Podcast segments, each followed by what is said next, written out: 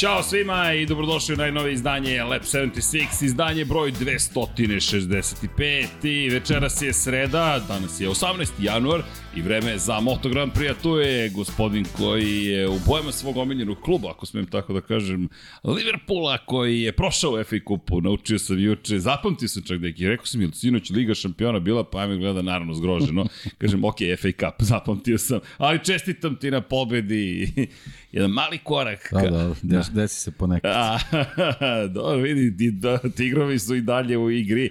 Ko ne prati, Jedino nadu uteha i spas. ko ne prati američki futbol, zapratite ga, makar zbog gospodina Potkonjaka. Cincinnati Bengalsi su ušli u divizijonu rundu play-offa 2022-2023. Igraju protiv Buffalo Billsa, pa da vidimo da li će se ova utakmica završiti. Pre svega. Da. Srećom, Damar Hamlin se oporavlja, čovjek koji da imao... zatvorimo i tu priču. Da. Bukvalno da. kliničku smrt je doživio čovjek na sred terena i nevjerovatna jedna priča koju on je ispratio u kojoj je cornerback ekipe Buffalo Bills zapravo morao da bude reanimiran na sred terena i uspeli su da mu spasu život, trenutno se oporavlja i Buffalo Bills i poslednje dve nedelje onako igraju motivisano, mada nisu izgledali tako, moram priznati, prethodne nedelje, izgledali su raštimovano, no nije to loš znak kad počneš, pobediš raštimovan To obično može da bude opasno. Ne znam koliko se tebi to dopada, ali i vi ste pa bili dobro. onako. Da, da. Ne baš naštimovani najbolje. Da. Mi sa, mi sa povredama imamo generalno problem. Za koje god navijam povrede su onako da, bitni i ključni. Ali dešava dobro, se. Dobro, sad se malo, malo se to sve konsolidovalo i vidi se po rezultatima, tako da okej. Okay. Ali tu smo, 3-4 touchdowna max po tekmi, super. da. Ej, Šta tri da u stvari, tri, okej. Okay. Mi nismo ni da. ušli u play-off, da, tako da, da mi nismo da. se ni pojavili tamo. Naravno, New York Jetsi. To ste vi izabrali, ako gledate 99 yardi, hvala vam na tome. Toliko sam puta pre tri godine birao Jetsi da neko rekao, ok, ti si da Jetsa, ok, usvojeno. Tako da, eto, imam svoj omiljeni klub najzad. Ali, ovde smo zbog Moto Grand Prix, ko voli 99 yardi, to je američki futbol. Sad je ponedeljkom i petkom, tako da dok ispratit ćemo play-off i na taj način, ko zna, možda nam, možda nam se gospodin pridruži potkonjak s obzirom činjenicu, šta si rekao, ako uđete u Super Bowl ili... da. Da, okej, okay, vidi, a samo ću ti reći, imaš još jednog navijača da. Cincinnati-a zbog ovoga. tako želim da, da, da, da te vidim, a bilo bi zabavno, zašto da ne. I tako, jesi mi dobro? Pa, dobro je. Dobro je. Mi imamo Hvala. večeras dosta toga da, da se zapravo prošle nedelje nekako završavamo. Vidiš da smo ta pravi Taman tajming imali. Da, da. Završili pregled 2022. Baš se ništa nije dešavalo. Ali da, ništa. I danas da, da. gledam, čekaj, rekao, da, da, da nisam nešto propustio. Sve vesti su bile 17. januara. Kod je neko planirao, ej, znaš... Ja sam ti rekao da nas prati. e, dek, a jeste, Deki poslao za, za, za, to nismo ni pričali, za sve one koji, koji nas prate već dugo, možete da pretpostavite da komuniciramo tokom nedelje, očigledno. I u jednom trenutku mi stiže Srki, a neko prati Lab 76, pošto bukvalno teme koje smo obrađivali mnogo pre, za, nego što su postale globalno popularne, sada se pojavljuju, rekao, vidi, neki, nema drugog objašnjenja. Ili to su to teme koji svi drže u nekoj zimnici, pa po potrebi Tur, ovaj izlači, da, pa smo bili možda ovaj, prvi. A, vidi, ali ima, bilo ih i dosta, moram da. ti priznati, kako god, da li je to tvoj instinkt ili je u pitanju prosto neko ko je mudro kliknuo like, nadam se poput vas i subscribe, je u toku sa svim što će se desiti, ne samo što se dešava u Moto Grand Prix. Pozdrav Jovanu koji je tu sa nama večeras u studiju na kraju univerzuma, tako da imamo i večeras, nemamo baš e, mnogo gledalaca, ali jedan ali vredan. Neka imamo jednog, mi ćemo, samo za Jovana večeras nastupa show, tako da mi ćemo se potruditi da, da zabavimo i informišemo, jer to nam je neka neka misija, što bi se reklo. A nas, mi, ja se nadam da se mazite i pazite, jer treba da se mazite i pazite. I moram ti, moram ti reći da, da je mnogo lepo osjeći. Danas se javlja klijent, da ne imenujem ko je, i sponsor koji hoće da sponzoriše 99 yardi i kaže uh, ćao ekipo, nadam se da se mazite i pazite. Rekao, tako je, zaraza zvana, ljubav se širi okolo, naokolo i treba da se mazite i pazite jer to je lepo. I naravno udarite like, jer to je takođe lepo i nas podržava. Patreon.com, kroz Infinity Lighthouse i sve ostale lepe stvari. Zaista, ko može, patreon.com, ko može, join, to i tekako pomaže cijeloj ekipi, ali da se mi bacimo na posao, uslovno reći, ovo nije posao, danas gledam koliko smo tema razmenili u grupi sa Pajom i misli se da li će Paj presesti cijela ova MotoGP priča, ali, ali polako ga uvlačimo, tako da jednog dana bit će i gospodin Paživković sa nama. Kad ti dođeš u 99 jardi... Sad sam htio da kažem to. shvatio sam po tvom pogledu. A, stiže i Paja u Lab 76 posvećen Moto Grand Prix. Elem, ljudi, da mi krenemo i da lansiramo ovu sezonu, deki, to se zove lansiranje, nije baš da lansiramo bilo koga ili bilo šta, makar ne u svemir, ali Yamaha je u Indoneziji rešila da predstavi svoje nove, makar boje, ako ništa drugo, i da kaže, ljudi, to Vanja, ovo kao u našem studiju, pogledaj, istu opremu koristi, si primetio, mm -hmm. da predstave svoje nove motocikle, sveže ošišani Franco Morbidelli s desne strane, za onih koji slušaju na audio platforma sa brojem 21 i 20-ica Fabio Quartararo, nekadašnji šampion sveta, lepo izgleda, nije neka prevelika promena, ali su stavili kamuflažne boje, kažu idemo u rat. Dobro, ofarbali su svoje oružje, da ne kažem oruđe, e sad da li se išta ovde promenilo, ostaje ono enigmatično pitanje, tu je Massimo Meregali, tu je Lin Jarvis, tu je glavni čovjek Yamahe, Inače, samo da konstatujem, Indonezija, ogromno tržište i trka tamo ima dvojaku ulogu, ne samo kada je reč o trkanju, već i kada je reč o promociji Yamahe. Lepo izgleda ako ništa drugo. Ne znam da nije ogromna promena, ali ponekad i te nijanse, detalje pa dobro, da, ali, ali mislim vidi se na motociklu, vidi se neki delovi, detalji, ja sad ne znam se, ovaj, da li je to samo korišćeno sa, sa oni, onih testnih verzija, nešto što je onako najatraktivnije, pa su sastavili da lepo izgleda, ili ovde možda vidimo neke, neke vidimo neke tu aeropromene, vidi se na oklupu neka Jest. razlika, zadnja viljuška, ima tu nešto ima prednji drugačije, niži, jeste, ali sad je pitanje da li je to to u stvari ili, ili samo lepo izgleda ovako sa ovom, sa ovom ovaj, sa ovim dizajnom, tako da dok, dok ne izađe na stazu ne možemo znamo da li je, da li je to to, ali generalno ovaj, ako, ako neki utisak možemo da dobijemo, uh, deluje da, da su se stvarno potrudili da rade ovaj, uh, i na nekim detaljima što što onako samo vizuelnim što i praktičnim pa ćemo videti u stvari da li, da li to ima neke, neke svrhe kad, kad izađu na stazu. A zna se šta im nedostaje. Vrlo jednostavna priča. Od 2005. pa na ovamo, nešto što se zove jedan moćan motor s unutrašnjim sagorevanjem. Ostaju Jeste. verni Jeste. svojoj filozofiji redno postavljenih cilindara, redni četvorocilindraš, 1000 kubika je u pitanju i ne znamo da li se desila promena, podsjećanja radi prošle godine na pred kraj sezone su testirali novu verziju motora i bili su zadovoljni što Quartararo što Morbidelli, međutim poslednji test u Valenciji je prošao nekako pod znakom velikog pitanja i Quartararo rekao da ne osjeća apsolutno nikakvu razliku odnosu na verziju 2022. Najveć, inače, poražavajuća sezona za Yamahu. Izgubila je titulu u svetskom šampionatu u Superbajku, izgubila je titulu u Moto Grand Prix-u, izgubila je najveće vođstvo u istoriji kraljevske klase za svog vozača zajedno sa svojim vozačem, Fabijom Quartararo. Nisam pitao Jovane, za koga navijaš? Za Fabio Quartarara. Ok, imamo ovde, vidim po licu, već vidim kako, kako menja se atmosfera preko puta studija.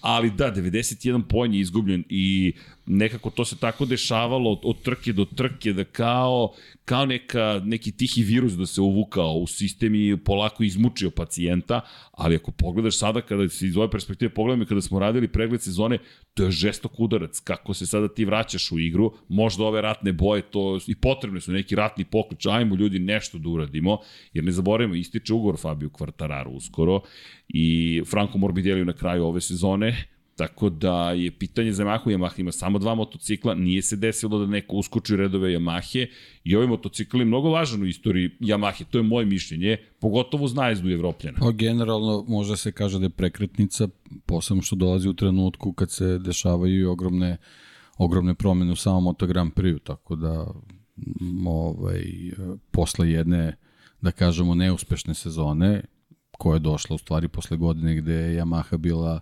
šampion i u Moto Grand Prix i u Superbajku, obe titule izgubila prošle godine, tako da ovaj, upravo to, prekretnica koja dolazi u jako nezgodnom trenutku.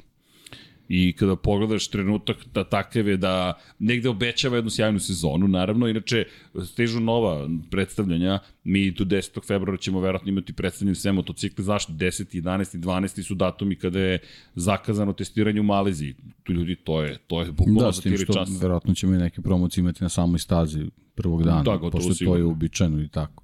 Ali to je to, mislim, iza Ćoška je bukvalno tako da ovaj, ovo je samo, eto, najava da kažem, uvertira tog, tog prvog početka, jer generalno i ti testovi za nas ovaj, dosta znači kad je ova pauza tako duga. Jeste, duga.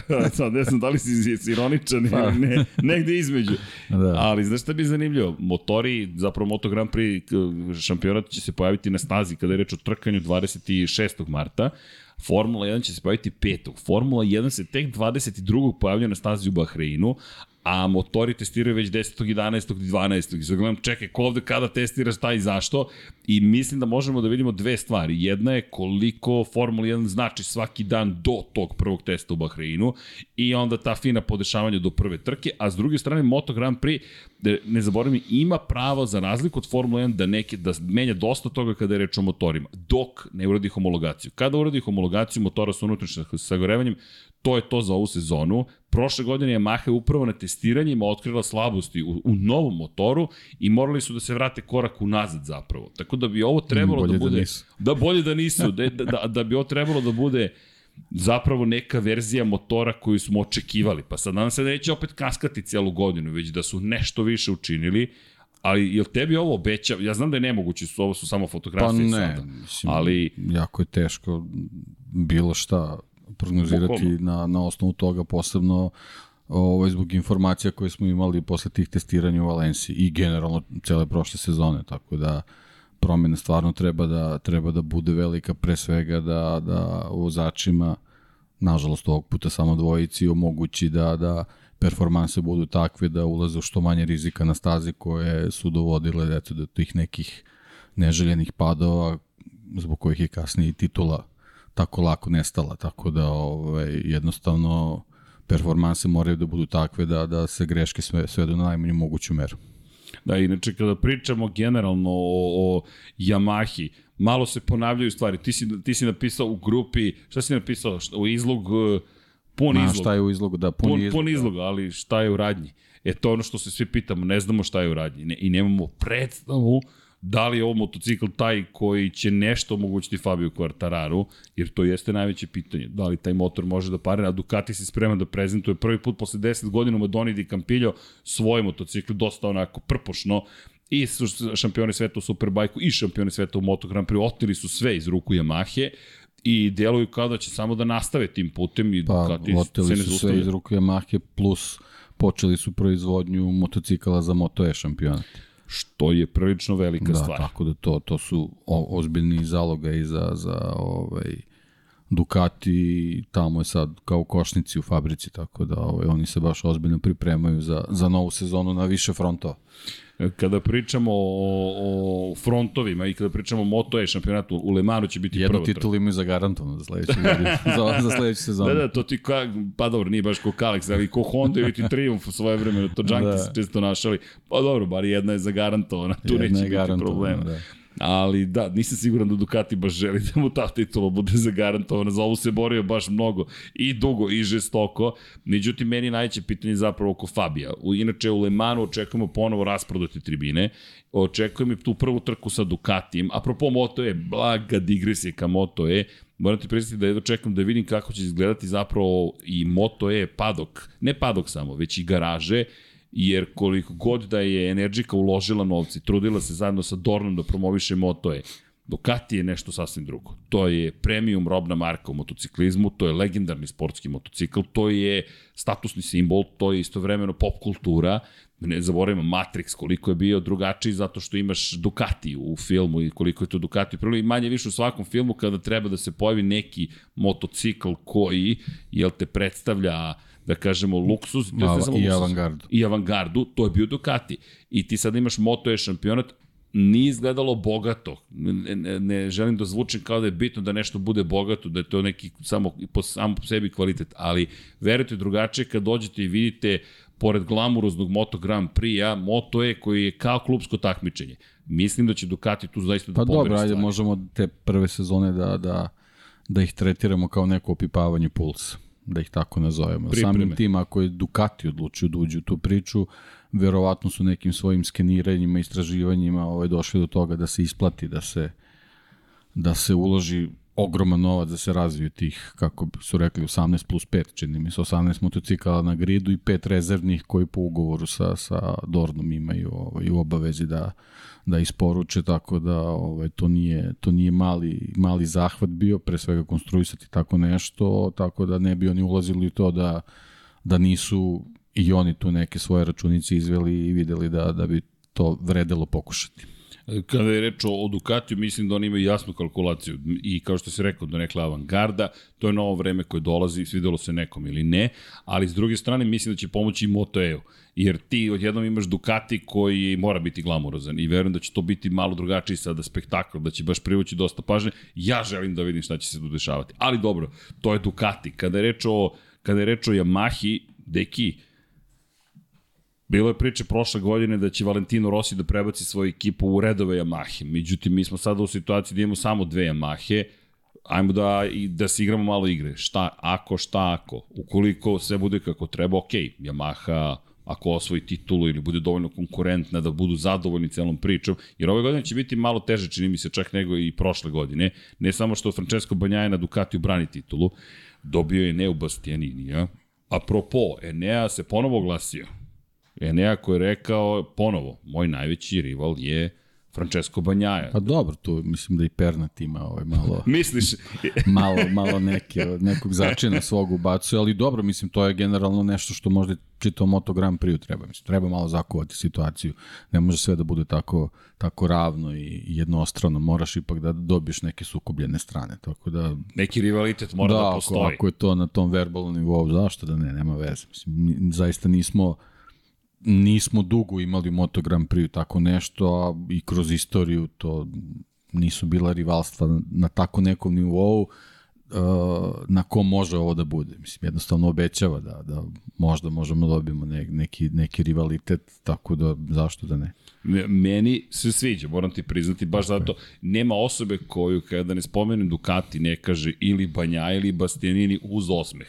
I ne oni samo... Ne, ne, pa Krenut će podala. To, to. Ne onaj puki ne. Da. osme, nego znam nešto što ti ne znaš, šta ćeš da vidiš kakva će biti naša sezona, da. a, a, a mnogo pobornika dobije Nea Bastianini, neko je probudio strasti koje gotovo kao da su zaboravljeni, kao da ljudima upravo to nedostaje. Treba mi neko nešto da uzdrma da. poredak stvari ustaljeni, da, da ne bude baš samo, ok, imamo mainstream, svi idemo na ovu stranu, svi se grlimo, svi smo ortaci, sve super, ja, divno. Ne kažem da ne treba se grli da budu ortaci, nego da dođe moment, polako, aj prvo da se reši pitanje onoga na terenu, to jest na stazi, pa ćemo onda da se družimo, grlimo i sve ostalo. Mada nisam siguran da će kod njih biti i toga. Jer Enea Enea je ušao u tuđe carstvo i puč pokušao pa da ne, znaš kako ti neki prvi koraci koji se vuku vode da tome da u jednom trenutku neće biti nazad. Znači, ako zauzmeš takav stil i takav imidž, morat ćeš da ga voziš do kraja. Uh, imaš osmeh na licu. pa kažem, meni je, meni je drago ovaj, da jednostavno dođe do neke situacije, se to malo uh, ponovo zakuva kao što smo, ono, pod znacima navoda, kao što smo imali nekim ranim periodima. Zašto da ne? Ej, Karlo Pernat je ekstremno aktivan na društvenim mrežama. Mislim da u životu nisam video Pernata da išta stavlja. Pa to je njegov posao. Ali to je njegov posao. To hoću da ti kažem, meni su ovo sve signali i stavlja stavno. vidimo neke slike koje nisam imao prilike nikada da vidim. Čovjek počeo da, da postavlja. Ko ne prati Karla Pernata na Instagramu, molim vas, zaista ovo nije klasična priča o Instagramu, pa sad Karlo Pernat stavlja sebe.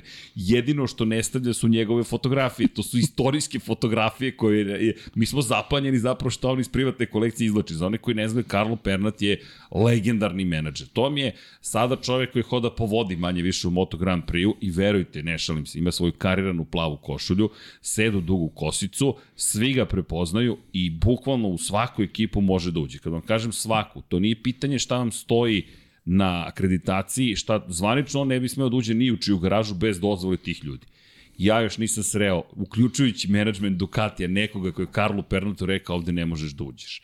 To je čovek koji je vodio Valentina Rosija, Maksa Bjađija, to je čovek koji je upravljao celom Aprilijom, Marko Simoncelli je bio njegov vozač, sada je Nea Bastianini, između ostalih, i Karlo Pernat bukvalno je jedna od onih figura koja se grade decenijama. To ne možeš da naučiš, to ne možeš da se učlaniš u neku fabriku, ne možeš da postaneš zaposleni negde, ti si Karlo Pernat, čovjek institucija, i sada šta je njegov posao, kao svog glavnog štićenika ima Eneu Bastianinija, on samo postavlja stvari koje su meni, mislim da smo isto protumačili, nismo ovome čak ni diskutovali, poruka, ej, tu smo, tu sam i da vidite o čemu se ovde radi, nemoj neko da je dirao je Neo Bastianinija. Tako da Bešte ima ozbiljnu podršku i mislim da je spreman da upotrebi svoje oklop, naoružanje, kako god, i dobro mi zvuči sve to što čujemo, što, što, što se dešava, ali spomenuo i Markeza, to mi isto bilo zanimljivo. Ne treba zavoriti Marka Markeza, Markeza koji je potpuno uporabljen zapravo i koji ulazi u sezonu kao pa neka dobro, da, imamo, imamo, imat ćemo u stvari jako zanimljivu situaciju. Znači imamo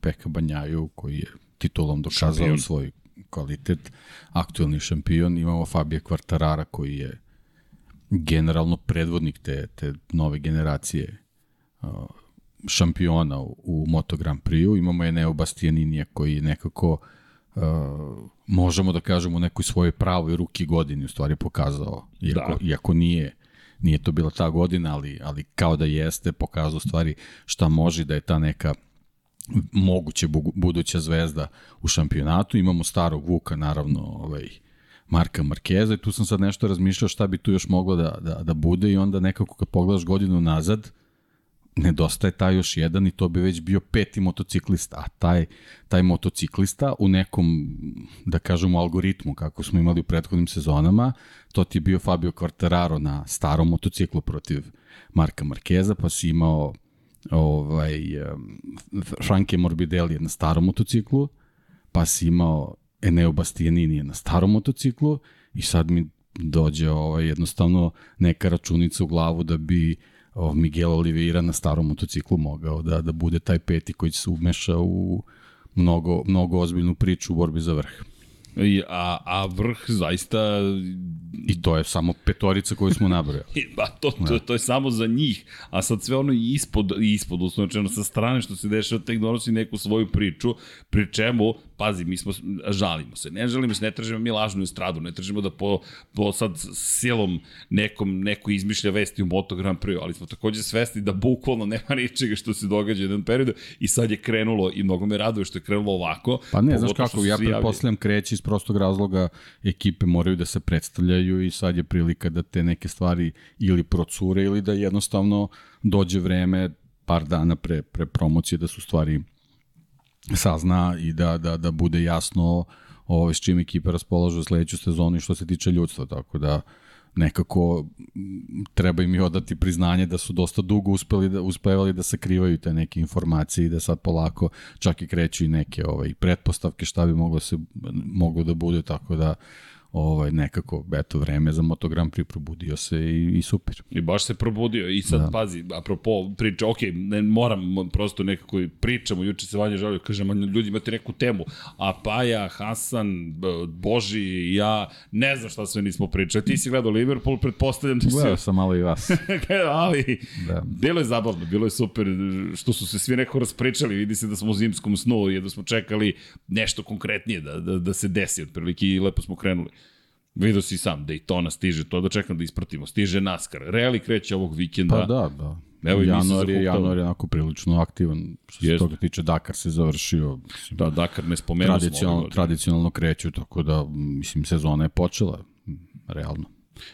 Uveliko da je počela. Je to, da. Ali pazi, ajmo apropo ovih, ovih fotografija koje smo videli. Imamo Fabio Quartararo. Fabio Quartararo je svoju jednu titulu. Prošle godine je bio uslovčeno nadomak druge titule pre kada se pojavio 2019. izgledao sjajno, nije zabeležio pobjeda, ali je osvajao pol pozicije, došao je jednu malu ekipu. Inače, rekao je za taj motocikl zanimljiv serijal na trenutno na motograndprix.com da svi spominju koji im je omiljeni motocikl. Sad uglavnom svi zaključe da im je omiljeni trenutni motocikl. Fabio koji je rekao ne, moja omiljena je Maha iz 2019. godine. Ok, mogu da razumem zašto je omiljena, zaista je izgledalo savršeno to kako su funkcionisali zajedno, ali Pojenta jeste upravo u tome da je Fabio stigao 2019. i vrlo brzo osvojio svet. Koliko god da je izgledalo 2020. već da može, realno ono što si rekao, on je predvodnik nekih novih generacija. Inače, svi u generaciji govore da im ne pada na pamet da idu stopama Valentina Rosija. Pričat ćemo i njemu, treći bio u 24 časovnoj trci na 4 točka na BMW-u, u BMW-u. Ali Fabio Quartararo, ako ne uspe ove sezone, ako to bude ponovo jedna te ista stara Yamaha, koliko više smisla ima ostajati u Yamahi deki ili je vreme zaista da se neke nove stvari traže, pri čemu Jorge Martin čeka svoju priliku, opet i to je pitanje, da li želiš u Yamahu ukoliko se ona ne mrda, što sluti ono što si spominjao, prekretnica, da li ćemo doći do toga da Yamaha u jednom trenutku kaže, ok, Po, inače, ovaj tim postoji od 1999. godine u ovoj formi, ali Yamaha u šampionatu od od 70. godina i mi pričamo o nečemu što je, ja, ja ne pamtim Moto Grand Prix bez Yamahe. Nezamislivo mi je da ne bude Yamahe kao Suzuki koji dolazi i odlazi. Međutim, ti si se sveo na dva motora, jedan vozač je izgubio veliku prednost, pričat ćemo i o drugom. Šta dalje onda za Fabija i za Yamahu? Koji je put i pogotovo kad on kaže nemam potrebu da obaram rekorde.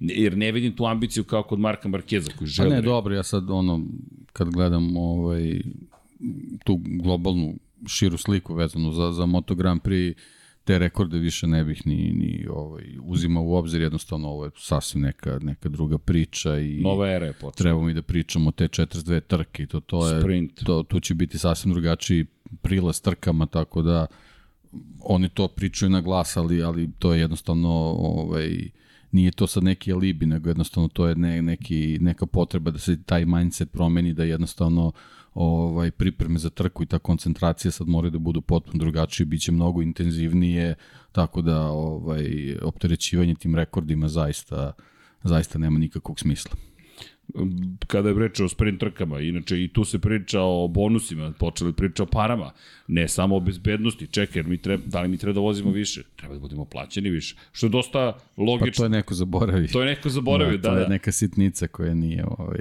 ušla u tu priču, pričali smo tim nekim većim brojevima koji će stići sa prenosima, Ovaj, ali, ali da, generalno kad se, kad se širi posao moraš da, da vodiš računa ljudima koji ti donose taj posao, tako da ovaj, sa, sa pravom se ovaj, pitaju, da ne kažem bune, nego, nego u ovom trenutku pitaju. Da, Karlo Pernat inače saopštio tu informaciju i rekao je da trenutno je zapravo neka vrsta bojkota planira na sprint trka ukoliko se to ne reši. Trenutno su pad poziciju pregovorima vozači, baš u kontaktu, s toma, u, u kontaktu toga da se isplate bonusi.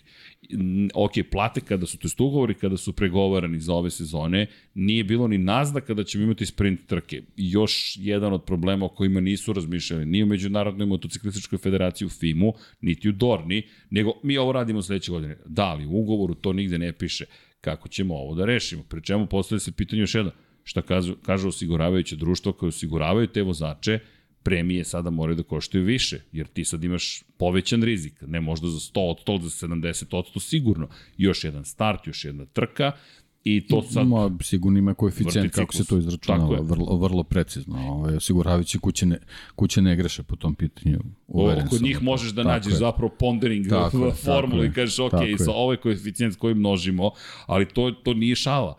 I ja razumijem da su ovo pregovori i da verovatno neće biti tako velikog problema da će vozači reći nećemo da vozimo, ali možeš da se dogovoriš.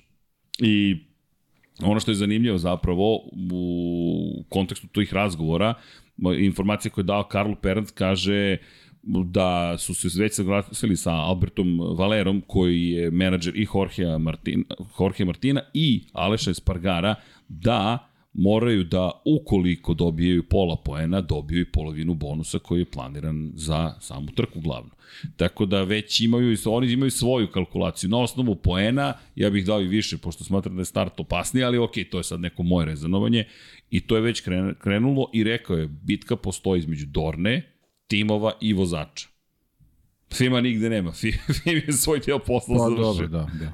Ali činjenica da eto, to, to je nešto što oni se događa. Oni su tu da daju trkačka pravila generalno, tako da oni trebaju da se da se bave ovaj time da trka treba da prođe što ovaj što organizovanije i što bezbednije. Ta, to je to je segment kojim treba film da se bavi, tako da ovaj imaju oni tu dosta posla. Da, A, i podela nagrada, to, to ne treba da bude njihov, pa njihov to, posao. to je u komercijalnim, kod komercijalnog vlasnika, to je vlasnik komercijalnog plana, to je Dorne, ali opet, da se vratimo na, na, na kvartarara, ne zameriti, ima puno priče, pa se spajaju nekako. Fabio, nema šta da se kaže u ovom trenutku, mi moramo da sačekamo 10. 11. 12. februar, da odgovorim na pitanje da li ćemo sport klub prenositi, ne znam, s obzirom na činjenicu da Dorna trenutno još uvek spava, još uvek i iskreno pokušao sam da... Pa da, ali to je isto bitan moment, ajde sport klub, pretpostavljam ako, ako ovaj, krenu priču, priča će biti kao što je bilo do sad, znači vi sigurno radite sve šta bude bilo na stazi, ali postoje televizije koje to ne rade. I Dorna sad treba da ubedi neke velike televizije da im otvore termine subotom da bi se, da bi se prenosili te trke. Jel? Da, bez vraćaš se na tih, sprint. Da, da, da, da. Bez prenosa sprint trka ne postoji svrha zašto su one uvedene onda. Pa, jel, jel već smo se uverili da gledalci na stazi više nisu toliko bitni publika ispred televizije je bitna i ona donosi očigledno veliki, veliku količinu novca u ovom trenutku, a Ana Dorn je sad da, da, ovaj, da izbori termine subotom, za koje znamo da nije, nije baš lako ovaj, stići do njih. Neverovatno mi kako se naopačke postave stvari odjednom. Dakle, Formula 1 koja se mučila da privuče nekoga na stazu, sada ne može da, nemaš slobodnu ulaznicu, a da sad je januar, sve rasprodato, a s druge strane Moto Grand Prix koji je popunjavao tribine, ne može da popuni tribine, jednom promena. Formula 1 koja podrazumeva već gledanost na TV-u i sada juri publiku na stazu stazi i pravi događaje, juče smo baš pričali o tome o eventima, a Moto Grand Prix pokušava da ujuri publiku na televiziji, pri čemu lepo si rekao, subota, ja negde podrazumem, već se zaborave kako izgleda da ne pokrivaš Tako je prvi trening, drugi trening, treći trening, četvrti Mislim, trening. ljudi generalno koji prate Moto Grand Prix na sports klubu su na neku ruku privilegovani. A, zato što re, jako malo televizija na, na globalnom nivou pokriva kao što vi pokrivate Moto Grand Prix Formula 1. Znaš šta je rekao Iskreno. Miguel Oliveira? Imamo i njegove izjave podom KTM-a i Aprilije. Kada nas je pitao koliko šta prenosite, Mi, mi, kad smo mu rekli, rekao je moram se preselim u Srbiju, jer u Portugalu niko to ne prenosi Tako na taj je. način. Dakle, jedino MotoGP.com, kome je to jedina i osnovna svrha zapravo, prenosi na taj način, nije jedini, ali jedan od redkih. Da, ali to su prenosi I... za zajednicu, kao što je i ovaj podcast za zajednicu. Jeste. Neko, ali ako ti hoćeš nešto da, da rašeriš, da dođeš u neki mainstream koji ti u stvari donosi novac, ti moraš da, da pronađeš taj termin za subotu. A eto, po Oliveri i nedelja je problem. Kod njih je nedelja problem. Niže kategorije su problem da. zapravo. Posebno sa ovom količinom sportskih događaja. A, a mi od 2009. nismo propustili, ja mislim, jedan trening. Povremeno propustimo neki trening slučajno. Znam koliko je to teško prihvatljivo, znam koliko pogrda stigne na e-mail polako ljudi imajte razumevanja, zaista, zaista treba pronaći slobodno mesto u programu, ali činjenice da se trudimo da sve prenesemo kada je reč o testiranjima, eto sad i pride i to. E, prvo ne znam da li će Dorna organizovati, pošto Dorna dugi niz godina nije ni u Valenciji organizovala prenose, pa je ove godine to, to je u novembru 2022. učinila. Ukoliko u Maleziji budu, postoji tehnička mogućnost, pa posle toga ide finansijska priča, pa ćemo da vidimo šta će se tu dešavati, ali činjenica dok ne dođu ta testiranja, mi nemamo predstavu šta je ko učinio i opet ni tada nećemo znati zapravo kako će izgledati pre velikog dolaska. I prvi put posle dugog niza godina nećemo u Kataru otvoriti sezonu, idemo u Portimao zapravo, Portugal će biti prva trka sezone 26. marta. I onda krećemo opet na, na neka putovanja, ali činjenica je da zapravo, apropo Kvartarara, nekako se na njega vraća velika je zvezda, osvojio titulu, u Francuskoj prošle godine najveća gledanost, sve deluje romantično kada je reč o motociklu. De, meni deluje robustnije motocikl, ako je to adekvatan termin. Teško je proceniti bilo šta, nemamo predstavu da li je ovo, što si lepo rekao, zaista verzija koja će biti na stazi ili ne. Međutim, ono što su i Massimo Meregali i generalno vozači istakli, nije bila samo ekipa u kontekstu snage motora Istakli su nekoliko stvari. Kvartararo je rekao, ja sam grešio prošle godine, što smo konstatovali, Zatim ekipa je pogrešila, ali ne na nivou proizvodnje, već na nivou pripreme trke, pogotovo trka na Tajlandu, kada su potpuno promašili pritisak u gumama.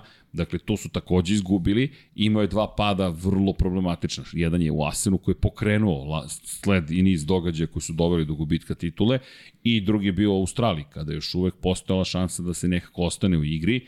To su stvari koje su istakli i deluje mi kao da su svesni da moraju mnogo bolje da rade kao ekipa. Makar je to moj utisak, ajde, prve izjave su dobre i za Kvartarara zaista ne samo test za njega i ekipu, već i taj veliki moment u karijeri. Šta posle ovoga, ukoliko ovo ne upali, jer ukoliko upali sve je jasno. Međutim, i meni iznenadilo da se komitovao, uslovno rečeno, tako rano, ali delovalo je šaren, onako veselo, da će u tom trenutku sve funkcionisati.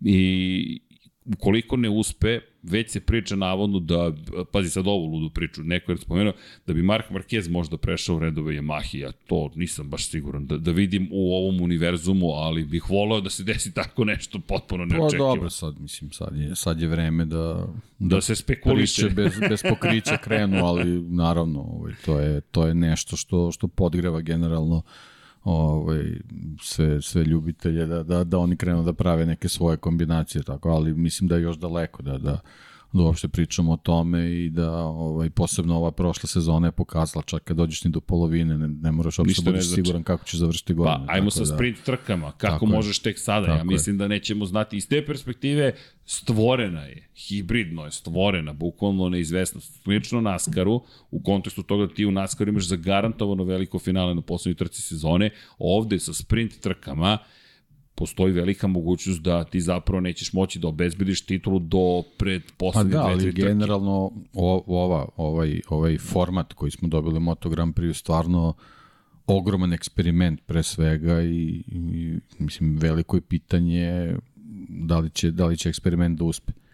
Ovaj, pošto bukvalno kompletan pristup trkanju Moto Grand Prix sad mora da se promeni generalna ekipa koja koja otključa tajnu kako se priprema sada za, za, za trkački vikend, imaće, imaće prednost, ali eto, i, i ta prednost ne, ne, neće morati ništa da znači kad se uđe u tu neku završnicu sezona, ti ćeš bukvalno imati uh, dve sezone u jednoj praktično, ti ćeš na polovini sezone imati 21 trku praktično, ovaj, a čekat ćete još 21 trka bez obzira ovaj, na broj bodova koji, koji se dela, to su praktično uh, 42 trke u sezoni i pre, pre svega ogroman izazov za sve ekipe za, za, za, za pripremu.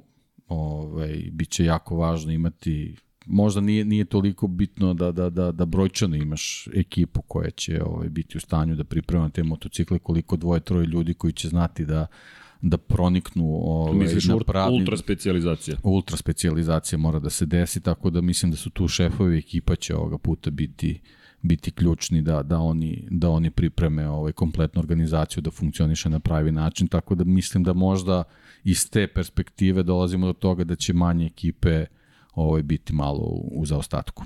Da, inače, apropo i sad, pokušamo sve da sad, ove, zapravo mislim da, će, da ćemo tek shvatiti koliko je velika godina tek kada počne trkanje, jer lepo si rekao, ovo nova era, zaista mislim da 2023. počinju neki novi Moto Grand Prix, a, evo sada smo čuli pet stvari pare, rizik, organizacija preno, komentarisanja, to je TV prenosa trka, s druge strane rekordi, niko više se ne bavi rekordima, I opet mi je to neverovatno. U Formuli 1 će postati istorija važnija. Ne kažem da treba toliko da se bavimo istorijama, ali ne treba ni da je zaboravimo da postaće važnije u Formuli 1 ko ima koliko pobjeda i šta je pa postigao nego evo, po, eto, pogledaj na, prim, na primjeru Fabio Quartarara, on se bliže svoje stotoj trci u Moto Grand Prix, to je po, postalo potpuno normalna stvar. A, a pritom ne juri pobede. On je sam rekao, men, mene ne zanima ovaj broj pobjeda, želim da budem u vrhu, da se borim za titulu i to je to. Ne, nema, pa, nema tog pristupa. Sezona uopšte. Titule Joana Mira je pokazala da pobede u ovakvom Moto Grand Prix, a tek onome u Moto Grand Prix koji nas tek čeka nisu toliko ni bitne.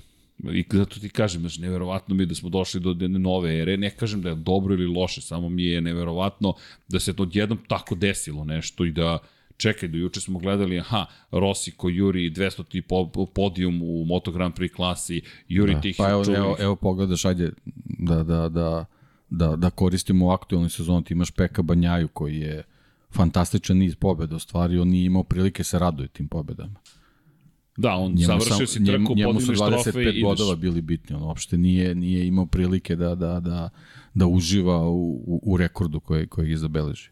Zato sad, što imao neki, neki drugi viši cilj. A sad pridete se, to menja. I zato ti kažem, naša istorija se promenila. Odjednom ti nećeš moći, lepo si rekao ni da se baviš time. Ko će sad o tome da razmišlja? Čekaj, završio sam trku u subotu, moram da završim trku u nedelju, pre čemu kalendar je tako organizovan da će imati neke velike pauze. Da, u Formuli 1 ćemo imati četiri nedelje pauze posle prve tri trke. Isto nas čekaju Moto Grand Prix posle Le Mana, jedan ceo mesec prazan do Muđela. Dobro, Moto Grand Prix će možda dobro doći zbog tog ubitačnog početka sezone, da, da, da malo da se konsoliduje Formula 1. Mislim da su više rano da bude tako velika pauza, posebno što generalno neće im biti ništa sa spektakularno dozvoljeno da je tu prave neke ovaj Kina je trebalo da bude promene, da, da, da, des, da, da, da, neće se neće se desiti, nema zamene i i kao to je to. Imate imate mini odmor. Inače, koristite dane od prošle godine. koristite dane. Stari odmore koristite. Pa do, do da. kog? 30. juna. Pa tako Možeš nešto, da to je taman to, da. Ali zanimljivo, apropo, i, i, i malo pre si spomenuo dve stvari, baš mi onako, ne mogu kažem zaparalo uši, ali mi, ali mi je ostalo u glavi. Spomenuo si prvo Fabio Quartarara, ne Joana Mira, tek sada spominjemo Joana Mira. Mir je osvojio titulu 2020. Quartararo 21. Banja 23. I kada pogledam... 22. 22. 23. opa, šta to govorimo unapred, a 22. ali kada pogledaš unazad, kada smo poslednji put imali situaciju da se dese tri titule, tri različita vozača. Mi smo imali situaciju tu sa Stonerom i sa Haydenom i Rossijem, dakle to je 2006, 2007, 2008 ili 2005, 6, 7, kojim god redosledom da idemo. Zatim smo posle Rossijeve titule broj 9 ili 7 u Moto Grand Prix 2009 dobili Jorgea Lorenza, pa se vratio Casey Stoner, to su opet tri za redom šampiona sveta.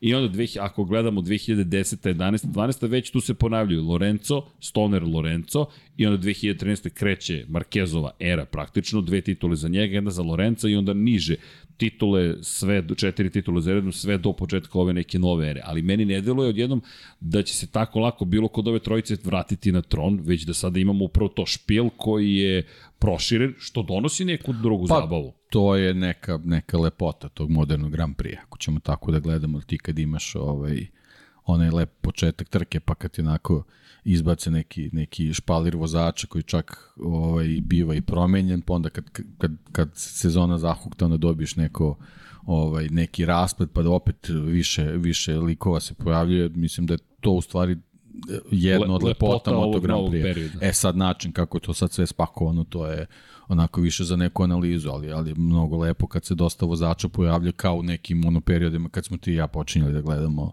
Moto Grand Prix, to jest kraljevsku klasu gde si 80-ih, početkom 90-ih ima uvek 3-4 vozača koji onako na početku sezone realno niko ne može da ti kaže ko će od njih biti šampion. Tako da to je, to je ta lepota koja treba da bude tu, ali generalno i, i, i, i kroz, kroz eru vanzemaljaca mi smo imali priču da od njih troje čet, četvoro u nekom trenutku, da li u, u početnoj fazi sezone ili malo kasnije, teško da možeš da, da pretpostaviš ko će biti šampion. I, i slično da. i različito. Da. A inače, Quartararo je rekao što se njega tiče, ovo mu je lakša sezona nego prošla. Rekao je, prošle godine sam branio titulu, sada ne branim ništa. jest. Ovo je godina u kojoj zapravo za mene pritisak prestao onog momenta kada se završila prethodna sezona. Svi smo sada na nuli i kreće potpuno nova godina. Dodao još par stvari, ono što mi je bilo za, zanimljivo, rekao je da kukanje samo usporava motocikl. To je da će ti biti samo gore što više kukaš, vidiš da sluša Lab 76, dakle vraćamo se opet na istu priču, ali jeste, to je čisto psihologija. Gledam, ne znam da li si, da li si, da li si video, izašao je Breakpoint, to je sad novi Netflixov serijal, ja mislim da Dorno treba da ode u Netflix i kaže mi ovo ne znamo da radimo, evo vama prava, organizujte nam produkciju, bit će ekskluzivno na Netflixu, ugovor sa Amazon Prime-om više ne važi, platit ćemo penale koje moramo, jer očigledno da je Netflix našao neku magičnu formulu i sada gura. E sad, koje, koje mi dve stvari, i neka se ljubitelji tenisa ne nađute, molim vas, ali šta sam video, u Moto Grand Prix gledam koliko su svi agresivni, pretpostavljam da priroda sporta takva i sam, nešto ćemo, sad ćeš da vidiš, ma sad će da se desi, ovo sad će da se, i tek onda negde daleko iza kulisa pokazuju bilo koju vrstu slabosti u tenisu, ili su ga tako izražili, kao da su stalno u introspekciji, kao da je stalno neki problem. Tenis je mnogo težak sport, da se razumemo. To je sport u kojem možeš da vodiš što? 91 poen i da dok ne završiš meč i dalje nisi ništa uradio. Da baš je surov iz, iz perspektive psihičke pripreme, ali sam gledao, razmišljao, bože, koliko spominju stalno te probleme, kao da kukaju non stop, a zapravo pritisak je drugačiji, rekao bih, I onda poredim sada sportovi, razmišljam i šta radi Netflix, ali mi je bilo zanimljivo upravo to sa kvartararom. Nema kukanja, ništa ti ne donosi. Samo ćeš da se vrtiš u krug, u svakom smislu te reči, i to i on ponavlja sebi. Pa kao da se to je priprema. u stvari gubitak fokusa. Lepo rečeno, baš gubitak fokusa. I fascinantno mi bilo koliko su teniseri otkrivali momente u mečevima kada kaže ovde sam prestao da verujem u sebe. I ti sad gledaš čoveka koji upravo rekao, bukvalno ovde sam prestao da verujem u sebe i ti vidiš kako ide sunovrat, kako gubi 1-0, 2-0, 3-0, 4-0, 5-0, 6-0, izgubio si set, pa još jedan set i onda odjednom ajmo prekret. To je istovremeno i lepota tenisa, koliko god da si daleko od pobede, u svakom trenutku jedan poen može da okrene stvari, što ne se ne dešava u trkama. U trkama ako si 12-15 sekundi iza vodećeg, male su šanse da će se odjednom čudo desiti i da ćeš uspeti da nadoknadiš to vreme ako si izgubio. Drugačiji sportovi, očigledno kažem, neka se niko ne naljuti, samo su mi poređenje malo drugačije, ali rekao je, nema kukanja, i ono što je neophodno sada jeste potpun fokus, cela ekipe. Dakle, nema grešaka sa pritiscima, nema grešaka kada je reč o strategiji, ne smeš da ih imaš. Jer ti se više sad, ne znam s kim se boriš. Pa, mislim, pazi, jako je teško poverovati da će oni moći naprave sad odjednom superaran motocikl. Ti kad imaš superaran motocikl, tebi su i neke greške dozvoljene. Kad imaš motocikl koji je na, na nekoj ivici ovaj, e, konkurentnih performansi, jednostavno sitne greške ne smeju da se dešavaju. To ti je ono, ono što, smo, što smo pričali i kroz Formula 1 podcaste, zašto su najbolji timovi najbolji. Jesu zbog performansi i kvaliteta vozača, ali strategije pripreme za trku, kvalitetno određeni pit stopovi, strategije vezane za neke odluke koji su trenutku menjaju, to, to ti u stvari donosi, donosi po, po, pobedu, u stvari donosi ti uspeh, tako da u određenim trenucima stekneš takvu prednost da možeš da, da na miru razmišljaš o taktici. Ti kad si ovaj, non stop na ivici jednostavno ovaj, to, to, to ovaj, dovodi iz greške u grešku, a samo priprema ekipe čini da se te greške ne ponavljaju. Ono što je Yamaha imala u finišu sezone. Da, Quartararo je ovde sad ispričao zapravo da tokom prezentacije da pokušava da reši dva velika problema, ubrzanje i brzine, ali to zavisi od japanskih inženjera, ne da. zavisi od njega i rekao, mi gubimo fokus, to je stalno ti je nešto u glavi ako kukaš i to je kada izbrišeš, lepo je. si rekao, a to je nešto što moraš pa da... da, ali oni sad imaju nekako dupli problem vezan za Yamahu. Znači oni, oni imaju motocikl koji je bio odličan ovaj, uh, u tim nekim među ubrizanjima, o prolascima kroz krivinu i tako dalje i tako dalje, ali su izgubili tu, tu maksimalnu brzinu i ubrzanje, to jest nisu izgubili, nego jednostavno više, više prednost koju imaju određenim elementima nije takva, ali problem je što, što je Ducati uh, ranije ovaj potencirao tu svoju snagu zato što ima problema u nekim drugim segmentima ovaj vože na stazi pre svega u tim elementima u kojima je Yamaha bila dobra, međutim e, Ducati je pokazao da, on, da je on te, te razlike smanjuje, ne, negde je čak e, postao i kvalitetniji, znači e, Yamahi nije dovoljno samo da, da svoje trenutne performanse podigne za određeni procenat, nego mora da vodi računa o tome da su i ostali savladali ono što njima ranije bila prednost. Znači, ti sad u stvari i na, i na elementima u kojima si bio možda u jednom trenutku i najbolji, moraš da budeš još bolji da bi, da bi ono što si postigu u određenim segmentima gde si bio da, loš, došlo do izražaja. Tako da to uopšte nije mali posao. I to što ta Yamaha dobro izgleda, Ja, to, dobro izgleda. To, Fak. Ne, ne, ne znaš šta kaže da. Jovan. Da je apsolutno. Ne, apsolutno da. Pa Vidim ne, da i Matija Zorić se javio vraćamo se na trom. Ne, kažem, mislim, Fabija Kvartarara. Da, svesno su izabrali neke elemente da, da naprede da motocikl stvarno dobro izgleda, što nije u stvari ni duh Japanac i to pokazuje da oni menjaju neku, neku Trude svoju da priču da neki pristup. Da. da. E sad, ovaj, verujem da, nadam se stvari da to nije ostalo samo na tim nekim marketičkim trikovima, nego da će zaista nešto da se desi. E, vidi, ja ti kažem da gledaju Lab 76, šalim se, to je klasično osvetljenje, nego gledaju neku, poskidali našu opremu, mm. ali lepo su napravili kadrove, ali super izgleda, ja moram da kažem čisto ovako emotivno, dakle... Ne, potrudili su se i to je neki pomak u odnosu na, na ranije godine. Na inače pada mi na pamet, pošto je to Monster Yamaha, razmišlja malo pre o Marku Marquezu. Zamisli dođe iz Red Bull Honda u Monster Yamahu, koji je to prevrat zapravo koji su izvršili, gotovo nemoguće, ne znam ko bi pre reagovao, jedni ili drugi. E, inače da Honda, da je Carlo Pernat, ja što volim kada je brbljiv Carlo Pernat, šta sve čovjek priča, ferme,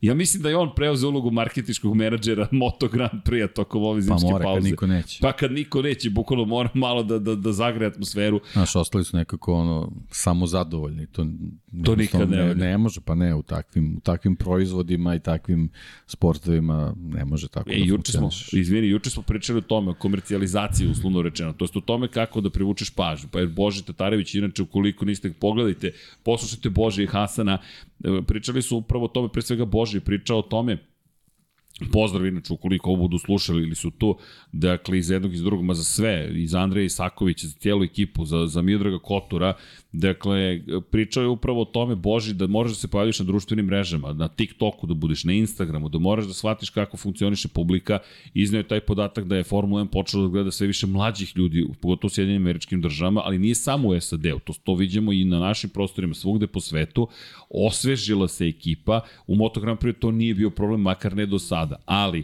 šta se događa? I ne kažem da će sad Moto Grand Prix nestati zbog ovoga, ali svi smo mi ljudi. Ako tebi nešto se ne spomenje tri meseca, ti se onda setiš u martu, ej, to je počelo, čekaj, to se dešava.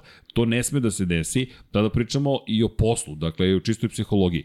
Ako ti imaš čime da se baviš, Moto Grand Prix, stare priče, istorijske trke, arhiva se otvara, šta god, ako ne, ništa se ne događa, ti si u fokusu publike, nešto se desilo, neko mi re, pa je juče rekao, pa ček Srki, nismo ni prestali da imamo podcaste, nije da smo ni imali mnogo vremena, mi smo imali jednu pauzu, ali suštinski u jednom momentu ti pogledaš toliko se kasno završava sezona da ti imaš vrlo malo prostora za neku pozbiljniju pauzu. Ali šta hoću da kažem, čak i u toj pauzi mora nešto da se dešava, jer smo stalno bombardovani informacijama i iz te perspektive Karlo koji je progovorio i kaže Dakle, rekao je, to je znao nam je neke informacije o tom razlazu između braće Markeza, zapravo pre svega između Marka Markeza i Emilija Alzamore. Navodno je Honda bila ta koja više nije htela da prihvati njegovu posredničku ulogu između Marka Markeza i Honde i haos koji je ostao prema rečima Karla Pernata u celovi situaciji koja se s Markezom i njegovom povredom dešavala od 2020. na ovamo i pride što su morali dodatne milione da plaćaju Emilio Alzamori koji je bio menadžer 18 godina Marku Markezu i navodno je Honda rekla s tobom hoćemo da radimo Mark, ali ne i sa Emilijom Alzamorom. Alzamora se još nije oglasio, ali eto, tu je neka nova informacija.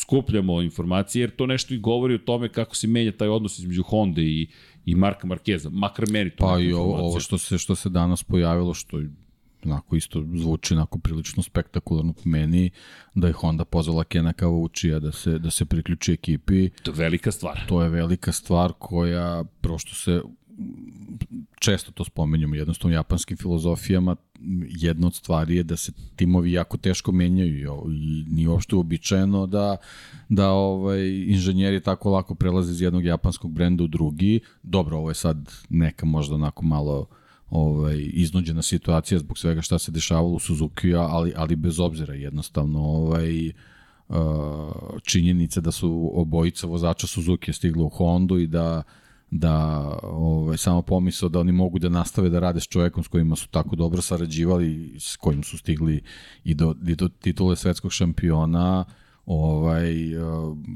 to je direktan udar na, na, na ovaj, neku, neku, neku dinastiju koju je Mark Marquez napravio u, u, Hondi, tako da eto i to je, to je s jedne strane možda bude neki potres koji može da donese mnogo toga pozitivno u Hondi, a s druge strane može da ih uvede možda u neku, neku krizu iz koje će malo, malo teže da se, da, da se ovaj, iščupaju posebno dok je on tamo, tako da ovaj, može da bude jako zanimljivo i u Hondi. Mislim, e... to su samo neke neproverene informacije koje su juče ili danas stigle, ne mogu svetim kad sam tačno pročitao, ovaj, ali, ali generalno ovaj, može u Hondi da bude jako zanimljivo. Ken Kavući meni najbolja slika prošle godine, poslednja trka sezone, Alex Rins kada pobeđuje i e, kada se svi raduju, Šinići Sahara koji vodi ceo projekat skače od sreće, Ken Kavući stoji pored njega ovako. Ken Kavući uvijek će ti ga prepoznati. Sa blokčićem koji uvijek upisuje. Stara škola. Jer podsjeća me, tako me podsjeća zapravo na, na, na, na, na Jeremy Burgessa, čoveka koji je bio glavni šef, šef ekipe Valentina Rosija, Mika Duana i tako dalje, legenda, koji je uvijek upisivao. Na pametan piše. Da, pametan piše, ovaj drugi zaboravlja, da ne citiram sad mog, mog oca i ostale te urednike i novine. To mi on govori od malih nogu. I ne, pametan piše, budala pamti. Rekao, hvala ti tata.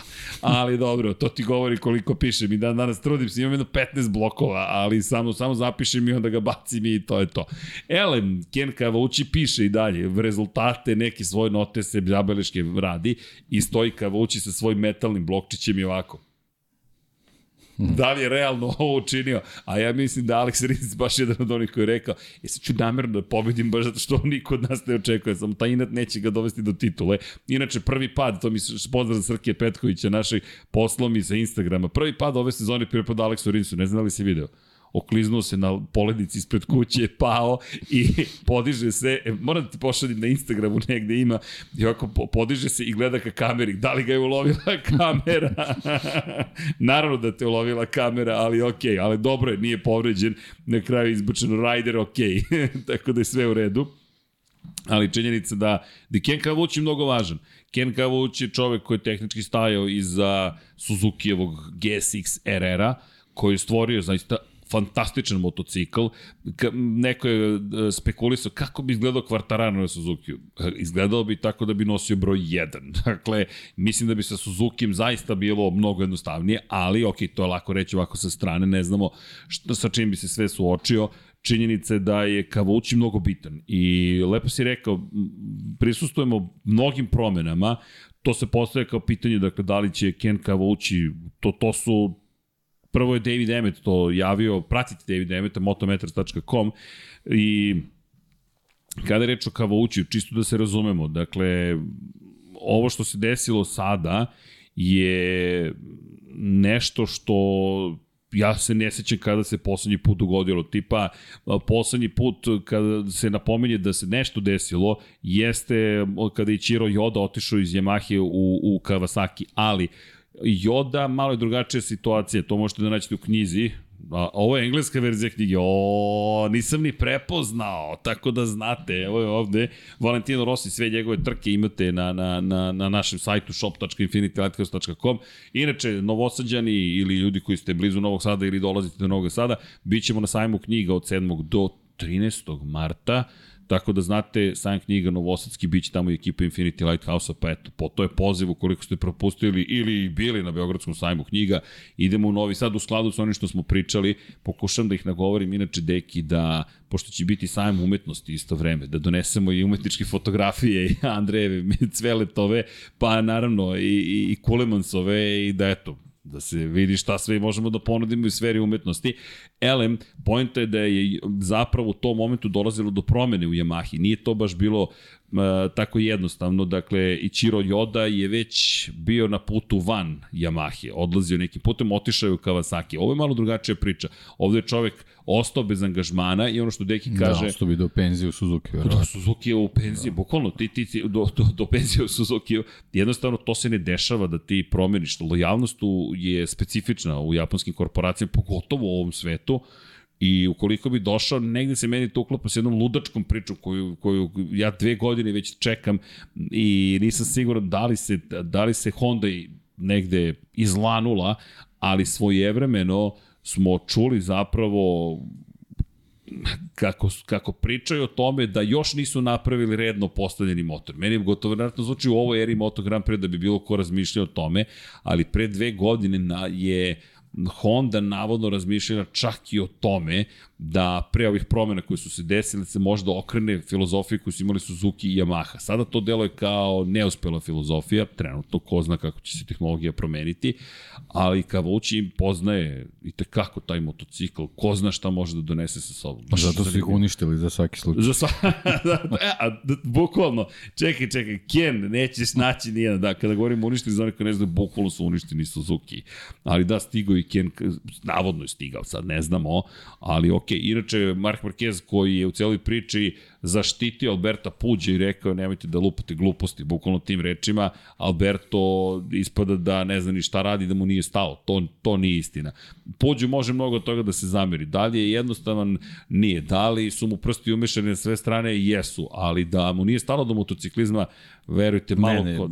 mislim da to Slažem to. se apsolutno s konstatacijom sa dobro Marki naravno, naravno. mnogo pozvani od mene pa pa može ovaj, da, da se tako izrazi ovaj, prema ljudima koji to pričali generalno uh, koliko god mi pričali o tome kako ovaj, uh, japanski proizvođači nekako nisu, nisu bili spremni na, na, na ove promene koje su desili Moto Grand Prix. Mislim da, da to nije tako, nego jednostavno ofanziva koju je započeo Ducati je bila toliko uh, toliko ovaj, snažna i, i, i brza sa, sa svim sredstvima na svim frontovima, jednostavno oni nisu navikli da, da tako funkcionišu i bukvalno su ovaj bili zatečeni u nekom trenutku i koliko god se oni trudili na svoj način da da ovaj da drže korak, jednostavno oni, oni, oni i ne mogu i ne žele da rade drugačije, to nije u njihovoj prirodi jednostavno njima je potrebno vreme da, da se prilagode pro, promenama, samo što je problem što se, što se promene bukvalno dešavaju iz trke u trku i to je to je ovaj verovatno jedan od razloga zašto zašto ovaj japanski motocikli u ovom trenutku jednostavno ne mogu da pariraju ni ni ni Ducatiju, a čak ni možda ni, ni KTM-u, ni Apriliju u nekim segmentima. Ne, ne, Ducati je bukvalno uneo, pa uveo, guro nas je u novu eru. Ducati je rekao, ok, mi ćemo osvojiti ovu titulu. Manje više to je, to je, to, to je, to je učinjeno. Da, neka, neka, neka tehnička pravila koje će koje bi trebalo da, da, da se donesu, jednostavno da budu neke ograničenje u smislu da se da se uspori taj napredak, napredak doveće do toga za, da, da sezonu dve imamo Yamahu i, i, i Hondu na, na, na nekim nivoima na kojima trebamo da ih imamo da bi taj šampionat stvarno bio onako top.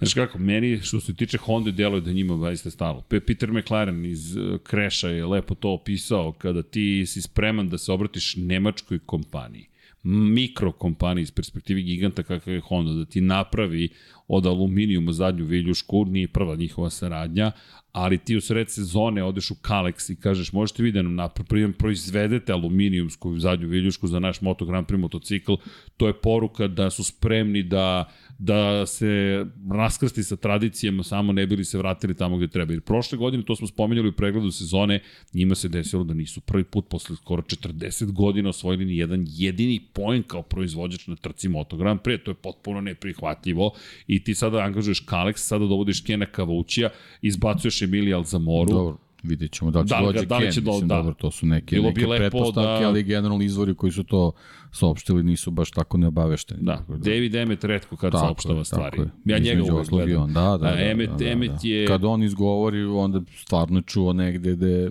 gde ne može baš svako da čuje. Da, Emmet je čumen po tome što je znao da kada mu neko kaže nemoj nikome da kažeš, on nikome ne kaže i dođe ljuti menadžer ekipe i kaže pa zašto nisi napisao? Pa rekao si mi da nikom ne kažem. Pa rekao sam ti, ali pojte da napišeš, teo sam da to procuri u javnost. I Emec koji ga gleda kao, ne, vidi, reči nečemu služe. da, pa da mi zavrni da dođe.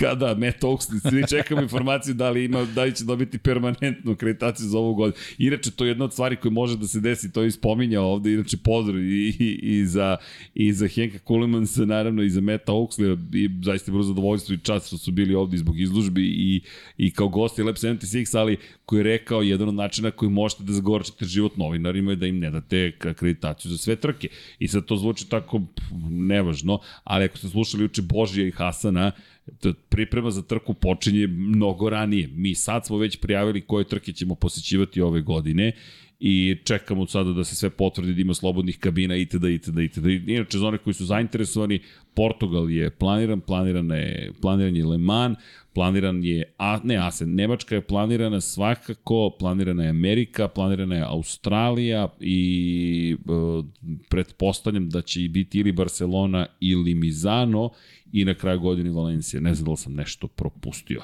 Ali otvaranje sezone, kraj sezone i tako dalje, to su neki planovi, neke ideje, pa eto, ko planira da ide na te trke, tu smo u svakom slučaju.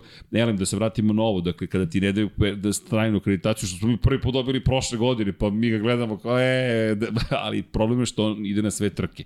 To znači papirologija za svaku trku, svaku trku, svaku trku, samo da te koštaju vremena koju ti možeš da investiraš u nešto sasvim drugo. Tako da, inače, Dorna još niti počeo da izdaje akreditacije, da, da ulazimo si i ulazimo u sistem i da se prijemo za akreditacije, još, ma još niko nije počeo da radi. Ček, znaš ti, znaš ti gde 26. mart, samo polako, tako da još se spava. Elem, da se vratimo mi Moto Grand Prix trkanju, to je ono što se događa na stazi ili što će se događati na stazi. Ne, kada spominjemo stazu, zanimljivo, samo detalj, ali Alex Marquez, Mark Marquez, i nisam jedini kome je to zapalo za oko na Hondama. Čekaj, ti si na CBR-u, Alex, voziš za Ducati ove godine, ti te treba da budeš u Gresiniju, ali njih dvojca testiraju, to jest treniraju na Hondama. Dobro, pitanje kako mu je ugovor. To sam htio da ti kažem, nije u fabrici. Ducati, tako. On je na satelitskom motociklu je. Ducatija, i, ali bi bilo spet Možda to i govori kakav će stvari Ducati voziti. Možda to i govori To je da... taj Ducati zaključan i to je to. Da, on ima jednu godinu, inače, da. Da. saradnje sa, sa ekipom Gresinija. Veliko je pitanje da li će njegov Ducati dobijeti bilo kakve unapređenje tokom sezone. Da, niko ne zna zapravo. A mislim da će zavisiti od njegovih rezultata. verujte Mislim mi. da je, da, da, da je to bitno, ali Znaš. generalno ovo možda pokazuje da je to u prvom delu sezone to mu je što mu je. Da, i da pokuš... Da, inače, tra- priča o Kvartararu i Morbidelju će očigledno trajati ceo podcast. Neće biti to uvodna tema, nego to je tema koja će Pa otvarati dobro, da, teme. to je jedino, da, da, jedino što je nešto za što možemo se uhvatimo da je, da je konkretno i tačno. Tako je. I da je, da je očigledno. tako je. Ali mi nekako bilo i to sa toj njihova prezentacija tako prošla nekako usput, kao da, e, ok, evo nove boje, tu izašli smo, čekaj, to je prvi motocikl koji smo videli ove godine zvanično na ili Pa da, ali nekako i ta reakcija ljudi na, na taj motocikl govori da, da će morati stvarno mnogo da rade tokom 23. da bi, da bi neki taj svoj imidž i, i, i rating uh, povratili na, na, na, na neki nivo kakav su imali. Da, inače, kada spominjemo Yamahu u kontekstu širenja, ajmo, i priče, to smo spomenuli pred jedno 45 minuta u kontekstu širenja broja motocikala, zanimljive informacije dao Sito Pons. Sito Pons se oglasio i rekao, Alfonso Sito Pons, šef ekipe Pons, očigledno u Moto2 klasi, koji je nekada davno bio ozbiljan predstavnik, to je predstavnik jedne ozbiljne ekipe u Moto Grand Prix-u. Nemojte zaboraviti i, i Sete Gibernau kako je vozio i kako su. Mnogi su prošli kroz njegovu školu. I Alex Baroš je imao prilike da vozi. Imali smo Pons, West Pons je imao Loris Capirosi. Dakle, mnogo njih je prošlo kroz... Ne, ne, Gibernau Jeste, Giberna, ne, kod Gresini je bio Gibernau. Da, on je bio I jednom momentu je da, bio da, u Ponsu, da. ne, nije bio u Ponsu, moja greška, već je Toni Elias, tamo, sad ne mogu da setim ko je sve vozio za Ponsa, Baroš sigurno je vozio za Ponsa, Capirosi takođe, pa je Baroš dobio priliku da vozi, ona čuvena McLaren West i imaš West Honda RC 211V, to je, to je bio jedan period potpuno neverovatan gde, se del, gde je delovalo da će West biti veći učesnik u šampionatu, ali to se na kraju nije dogodilo. Ellen Pons je, kada je saopšteno da se Suzuki povlači... Da, bili su i sezonu pre, pre RCA. Bili su, bili su. Pre Imali su RCV-a, 500 da, da. su imali. 500 su bile Yes. isto vest. Da, Oni da, su vozili 500 i 2002. Da. godine, kada je zapravo startni poredak bio sačinjen od pola od Moto Grand Prix motocikala, pola od dvotaknih motora od 500 kubika. Capirosi nije dobio RC 211, sve on je ostao na 500 tici Da, i znam... mislim da, da baš imamo u sprintu smo 2002. Ovaj, pisali o Capirosiju. da, O da, da, da. da, da, i bilo je priča o tome da stiže nova era. Svašta su, za one koji ne znaju, sprint je Da. Pa da, tad, tad je nekako i vezan za, za tu, taj početak neke nove ere. to je inače Generalno, da. kolega, prijatelj, poznanik, gospodin Dejan Potkonjak, izdavao zapravo, i tada je bio naravno i profesionalac i gospodin, seća se toga, jedan od redkih ljudi koji te pozovi i kaže, Srki, da li bi napisao tekst, to imam, ovoliko bismo, bismo ti platili, platili biste. Gospodine Potkonjak, o čemu vi pričate? Deki, veliki gospodin i, uporni autor, de, de, Deki, kad tad, vratit ćemo se u štampu, ja da ti kažem, uprko se digitalizaciji, ali samo pratite gospodine Dejana Potkonjaka, tiha sila. Know-how postoji. Know-how, tako je, tako je, znanje je tu, ali da, još se tada to pisalo. Ellen Pons je rekao da je pričao sa Carmelom Espeletom, izvršenim direktorom Dorne, da zauzme mesto koje je pripadalo Suzuki i rekao je Carmelo je rešen da ne da novo mesto nikome osim novom proizvođaču. Dakle, nema više novih satelitskih timova, nema privatnih timova, nego čekaju da se pojavi proizvođač koji će ući u Moto Grand Prix kategoriju. S druge strane, to govori da ukoliko Yamaha želi da ima četiri motocikla, mora da se obrati nekoj od trenutnih ekipa u šampionatu da bi to postigla. Čisto da razumemo da je put novih timova zatvoren. Sito Pons nije rekao s kim bi sarađivao, samo je rekao da on već neko vreme pokušava da se vrati u Moto Grand Prix klasu. Već skoro 10 godina Pons to pokušava. Za sada bezuspešno. Pa dobro, možda bi on mogao da dovede nekog novog proizvođača. Andretti Cadillac Pa kombinacija. to, da. Mislim, Otiđi i za, ti i za pokucaj novog negde. proizvođača je lakše da, da uđe u priču s nekim ko već zna kako to funkcioniše. Tako je i po pravilniku mora, pošto u Moto Grand Prix ne možete da uđete kao fabrički tim bez satelitskog tima. E sad ono što je pitanje, da li ti treba novi satelitski tim ako si novi fabrički tim? Pa dobro, to je možda neka rupa ako to ni, niko do sada radio, ali ovaj, generalno opet se vraćam na ono što smo pominjali ovakav tehnološki napredak malo, malo ovaj, obeshrabruje neke ekipe da, da, da se ponovo vraća, vrata između oslogi taj tehnološki napredak i doveo do toga da, da je Suzuki ovaj, izračunao da ta ulaganje više nemaju nikakvog smisla, tako da malo je, malo je teža kombinacija da, da, da, da neko ovaj, u toj čitavoj, čitavoj priči ovaj, sledi želje Ponsa i da, da mu se priključi. To je baš, baš skupa igračka postala. Zato Netflix, popularizacija, Karlo Pernat za marketinškog menadžera i onda proizvođači možda mogu da razmišljaju o tome. E sad se vraćamo opet na temu i od juče i koju smo malo pre započeli, zašto moraš da, da. komercijalizuješ stvari. mora, mislim, moj utisak jednostavno Moto Grand Prix sa svojim marketingom, kogod to radio, jednostavno moraju da porade na tome da, da mora da se predstavi koliko su ovi motocikli spektakularni i koliko uh, brand koji želi da se pojavi u Moto Grand Prix može sebi stvari da, da, da donese imidž nečega spektakularnog ovaj, samim tim što je u mogućnosti da napravi takve motocikle. Ovo nije nešto što je tek tako i što je tako jednostavno napraviti. A to vam pokazuje upravo Yamaha. Pa pokaz... Nije baš lako napraviti spektakularan Moto Grand Prix motocikl, a jesu već sami, sami po sebi. Mislim, uh, Yamaha, ono, ono što smo pričali da još iz, iz, iz poslednje sezone Valentina Rosija, mi smo stekli utisak da, da je to nešto kao nekonkurentno i loše, u stvari to je nešto što kasni desetinku dve za, za, za najboljom po krugu. Pa deki Honda ne može da se snađe. Honda je bila poslednja u šampionatu konstruktora. Mi pričamo o dve najveće japanske fabrike motocikala Mi pričamo o najvećim od najvećih na planeti Zemlji koji ne uspevaju da, da pobede Ducati koji iz pa evo, Bolonje. Plastično, znači sledeće sezoni ćeš imati 42 trke, ti ako na te 42 trke kasniš 42 sekunde, nećeš osvojiti titul. Vrlo jednostavno. Da. Ni minut, ne moraš ni minut ne, ne da moraš kasniš. ni minut, da, da, da, da. da. A, ali to ti je pokazatelj zapravo koliko je i napredovalo sve, šta je Ducati uradio, koliko evropljani trenutno imaju primat, međutim, takođe je pokazatelj jedno kad uđeš u tu igru, meni to delo je opojno, znaš, nedostaje ti samo desetinka, te stalno vuče, stan daj, evo sad ćemo, samo što nismo, pogledaj KTM, KTM je zapravo toliko blizu, malo bolje kvalifikacije, da. Brad Binder, ko da, zna šta može da uradi. Mislim, znaš, ne znam uh, hmm. gde ići dalje, šta je, šta je, ovaj, šta je ideja 400 km na sat maksimalna brzina. Mislim, ne, ne znam gde to vodi. Ili povećanje brzine u krivinama. Pa to se već dešava. Ako pogledaš razvojem aerodinamike trenutne, Tako je. oni će imati još bolje prijanjanja u krivinama. Jel ukoliko, Michelin to može da prati? To sam te ti kažem, Michelin ukoliko to sad... Ali i sad, a drugo pitanje, A šta ako Michelin to može da prati? Da li vozači to sad fizički mogu da prati? Ti sad dolaziš do 42 trke na takvim motociklima. I postoje sve intenzivnije. Ne, verovatno će se neko roditi ko to može da prati, ali, ali da, li onda, da li onda ni 20, 22 to mogu da prati. Da, uf, Troje, četvoro možda. Ali šta je tajna uspeha? Čekaj, pre da. čemu stiže elektrifikacija?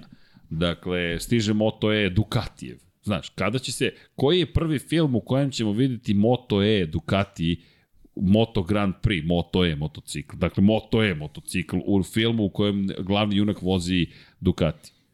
Novi da. Matrix da. neki, u kojem, da li sad, ne znam ko je sad akcijona zvezda, ali evo, Tom Cruise, Mission Impossible 17 i on koji se pojavljuje na Ducatiju, na primjer. Dobro, ne znam da li će promeniti, mislim da je BMW bio sada potpisnik ugovora u poslednju. Pa to ti da. kažem, ne znam koja je akcija na zvezda. Da, ko, evo, Vanja, da kažem čovek koji ima 60 godina akciju na zvezda. Ali Vanja, pa Rok ne može na motocikl, on čovjek sad snima sve i drugo ne pa vozi dobro, se. nije, nije on baš u cetu Pa mladosti. nije, a i ne vozi se u džungli. Ako nije u džungli, on neće učestvovati u da. filmovima. Da. Nego, ko ti je zvezda akcijnih filmova? Kako? Tom Holland. Pa kako on akcijna zvezda? On je Mitsko iz kraja, drugar. Pa ne, možda neko novo. Ja njega mnogo volim, ali on je baš Spider-Man, baš je On će da nahrani Antonija Banderasa kao Zoro. Ali on je baš rođen za Spider-mana, dobri dečko iz kraja koji će ti pomoći da se odbraniš od super ne, ne vanzemaljaca, ali je stidljiv i zapravo nije neko ko seda na Ducati i ide okolo i kaže ček da vam pokaže kako se vozi ovaj motocikl. Kako? Zek Efron. A ovo sam ja omatorio. Kuku, baš sam omatorio. Da, okej. Okay. Da, pa ne znam ni dalje to popularno više, da akcijni filmovi. Nemam pojma, ali okej. Okay. U svakom slučaju čekamo neki Ducati u Moto E izdanju u nekom filmu, pa ćemo da vidimo šta se dešava dalje. E, ali jeste, zanimljivo je meni sad da došlo ovo pa dobro, znaš, ali pojava, uspevaš? pojava tih sprint trka, sad nešto razmišljam, one, pri, one približavaju mogućnost da se neki električni motocikl pojavi tu. Grand Prix trke su daleko još, mnogo daleko ovaj, zbog, pre svega zbog dužine trajanja. A da, sa sprintom, znači poboljšanje tehnologije i performansi u, u Moto E šampionatu dovodi do toga da možda dobiješ neku, neku, ovaj, neku čudnu kategoriju, neki motocikle koji su superiorni na ubrzanju, pa ti onda trebaš da ga stigneš, pa Čekaj, vratio si nas u 2002. Da, se, da se izdešava. Da. 500 protiv MotoGP-evaca. Da. Ok, deki, ovo je, ovo je krajnje, ovo je Oni krajnje će imati primućstvo zato što će možda da im naprave da ovi, ovi možda dobiju neko ograničenje u masi, to jest povećanje masi, pa ko zna šta mogu da uradi. Hibrid? Da, da, ba da, hibrid je onako, mi, mislim da, da će ići na elektriku čisto. Na čisto. Na Skok. čisto električnu energiju, da. Ne, pazi, mi smo pričali o tome nekada davno, ali Mark Marquez 2009. koristio KERS sistem na KTM-u. Bio je toliko lagan da je zapravo ma, telesna masa mu bila toliko niska da su mu stavljali KERS na prednji točak, ne bili zapravo uveli elektromotor na njegov motocikl od 125 kubika dvotaktni. Dakle, mi govorimo o hibridu dvotaktnog motora benzinskog i elektromotor. Pa ne, vidi, razne tehnologije postoje, samo neko treba da se seti na kojoj su polici i da vidi šta može ovaj, da primeni. Deki, 14 Ali, godina. Ducati definitivno pokazuje da, da vlada tehnologijama kako god. 23. je njihova godina. U svakom slučaju. I vidi, Zarko je dao zanimljivu izjavu. Kaže, Zarko je izjavio, Žan Zarko koji vozi za pramak je rekao da je njemu bilo prelepo kada je testirao prvi put Moto Grand Prix motocikl i bio na Yamahi, ali da je Ducatijem ne postoji granica. Da je Ducati toliko dobar, da je njemu neverovatno da tako ubrzava motocikl i da tako je dobar i stabilan na kočenju i sada još je počeo da skreće dobro, rekao je ja s ovim motociklom, nema, nema granice s ovim motociklom. Granica ti je vozač na kraju, psihologija vozača, Ducati zaista deluje naj, naj, najspremniji. Vratit ćemo se ponovo na Bastianinija i na, na Banjaj. I to ti je opet problem. Evo, Yamaha je predstavila motocikl, mi smo svi u dozi rezervisanosti. I ajmo sad još jedna stvar. Pa Niko... dobro, prošla godina si naučila to zbog njih. Ali šta ćemo, evo, pa da... izvini, vozač je bitan. Šta ćemo s Franko Morbidelli? Je, za mene Franko Morbidelli najčudnija priča Enigma, potpuno, poslednjih potpuno 15 godina. Ja se ne sećam, ok, imali smo neuspele dolaske u fabrički tim, ali da neko koji je toliko uspešan u jednoj sezoni na tom istom motociklu, u privatnoj ekipi, bude vice šampion, da neko ko je šampion Moto2 klase, da neko ko je deo pa, porodice, ekipe Valentina Rosija, nema apsolutno nikakav pa, dobro, ali kažem, eto, više, on je vice šampion bio na starom motociklu. To je taj neki sindrom koji smo imali sa Bastianini. Imali smo i u prethodnoj sezoni sa Quartararom pre, pre Frankije, tako da ovaj, nije svako, nema svako kapacitet da, da u, u teškoj godini kad se dobije novi proizvod ovaj, izvuče maksimum iz, iz, iz svega. Jednostavno nije, nije taj kapacitet, tako da ovaj, niko ne može da kaže da nije brz vozač, ali kao, kao i u Formuli 1 moraš da imaš mnogo elemenata ovaj, u kojima si ne, ne samo najbolji, nego u kojima si superiran da bi mogao da to pretočiš u šampionsku titulu. Ovaj, tako da, da mm, dolazi godina za njega, kao što je i sama Yamaha na prekretnici, mislim da je da je i, i Morbidelli ovaj, mora to mnogo ozbiljno da shvati. Mislim da, da, da sezona 23 će u mnogome odrediti njegovu karijeru dalje. Vidi, gledam i njegovo ponašanje i promene, duga kosa, ošešan na nulu, da, ne znam, nima ovo, rezultata. Ovo mi je onako baš ni, nisam Nije nešto fan duhu, ovog imidža moram te priznati, ne, suviše mi je vojnički nekako da, za da, njega. Da, da. Nekako, neko drugi, Jack Miller mi je okej, okay, potpuno ćelav da bude to. Da. Frankie neko baš bio buntovnik bez razloga u krajnjem slučaju. Cveće na motociklu, nema predaje, jedan opušten momak koji je istovremeno veoma brz, taj, taj ritam da, ovo je nekako, ne, ali ovo je nekako taj vojnički fazon tog, te, te kamuflažu. Da, da, da. Kejmo. kao da, da, evo, evo ja sam tu, ja ću biti vaš redov ovaj, i ja ću s vama gledati da, da, da se uzdignem do vrha, da, da, da zabodem tu neku zastavu negde. Ajde pa da vidi, čak i, Ajde da vidimo. čak i šef ekipe priča o tome da mu mlađe deluje da, motocikl. Fabio, Fabio se nije izblejhao, ima, ima tih nekih promena. Očigledno da im je postalo nešto drugo bitnije. Ali čekaj, Nadam se da, oni da je postaju tako. konzervativniji, ali Lin Jarvis postaje veći buntovnik. Jarvis koji je rekao, uvek mi je bio lep motocikl, ali sad s ovom kamuflažnom nekako mi mlađe deluje. Lin, omatorio si kao i ja, ti i ja gledamo Toma Cruza, a Tom Cruise očigledno i relevantan u celoj ovoj priči. Ali Top Gun 2 uopšte nije loš, ja da ti kažem. Dakle, od ovih remake-ova, re-remake-ova... Ali to opet mi kažemo, Mi kažemo. tako da to ne znači ništa. E, činjenica, činjenica. E, ali okej, okay, vidi, e, ono što je dobro za Yamahu... Sada, znaš, ovi iz Yamahe gledaju, znaš, i Jarvis je zakasnio, kao što su ovi Mapetovci rekli za Yamaha, da im se sviđa. O, ne. O, ne. ne. O, Nije dobar put. Oh, there goes da. the planet. ko je gledao planetu Majmuna, to jest ko je gledao Spaceballs, zna na šta koji referenci se odnosi. Ali da, Lin Jarvis čovjek koji je decenijima to. Inače, pozitivno je produžili su ugovor s Monsterom, nije mala stvar, višegodišnji ugovor je potpisan sa glavnim sponsorom. Tim koji najčešće se mučio sa velikim sponsorima Čak i kada se Valentino Rossi vratio 2013. godine, oni su se mučili sa velikim sponsorima u jednom periodu i onda su dobili Movistar, pa je stigao Monster, pa ti sve gledaš što će biti, neće biti, šta će biti. Ne da, bio je ekipa. Camel, bio je Fiat. Mislim, da, da, dobro, to je ranije, da, da, da. da, da. Bilo je Golaz. Malboro. Ma, to, e, to su početci. To su početci, da. Yamaha sa Vejnom Renijem još. I kada govorimo o, o tom periodu kada, se on, kada je on učestvovao u samoj ekipi, ali da, plava je već dugi niz godina. Zapravo malo ko zna da je Yamaha žuto-crna bila svojevremeno, da je... Da, dok nije bilo sponzorstava, žuto-crno je u stvari boja Yamahe. Da, priča se da je to zapravo, zahvaljujući tome što je zvučala kao bumbar, ta 500-ka, i da je taj zvuk asocirao, navodno, pa žuto-crno, pa Kenny Roberts je bio žuto-crno, ali su imali crveno-bele boje takođe. To su isto bile tradicionalne boje Yamahe. To niko ne pamti, svi, svi znaju samo plavu Yamahu i to je to. I to je onda bilo simpatično. Da, nažalost, mi pamtimo. Opet se mi vratili smo da šta mi pamtimo. Da. da. Da, pa da, ajde da vidimo koga ćemo da pamtimo iz Yamahe. Ej, činjenica dobro izgleda. Ajde, ako to nešto možda da zaključimo, imaju novog sponzoru Betu, tako da i to nešto što, što vredi primetiti. I ja se nadam da Franko može da nađe u cijeloj ovoj priči nešto. Morbidelli koji je rekao da se nijednog momenta nije plašio za svoju poziciju iz perspektive toga da, ga, da će ga Topar Hrzgatlioglu ugroziti rekao jednostavno nijednog momenta to... Pa dobro, generalno da. Mislim, nije djelovalo I mi smo u nekom trenutku to tako i zaključili, pre svega, eto, zbog te priče sa Monsterom, znamo, Srki mi, ono, već 4-5 godina nazad, je. koliko, je, koliko je Monster pre svega nekako prisno vezan sa, sa Frenkijem i, i koliko jednostavno njega vide kao momka koji, koji generalno nosi, nosi tu filozofiju i kroz onaj dokumentarac jest, koji su radili. Jest, jest i sve, jednostavno Frank je, Frank je čovek koji, koji tamo stvarno ovaj, uživa nekako ne, ne, ne, ne poverenje, nego tako su nekako simpatije okrenute prema njemu da, da, da jednostavno to, to jako teško može da, da se promeni.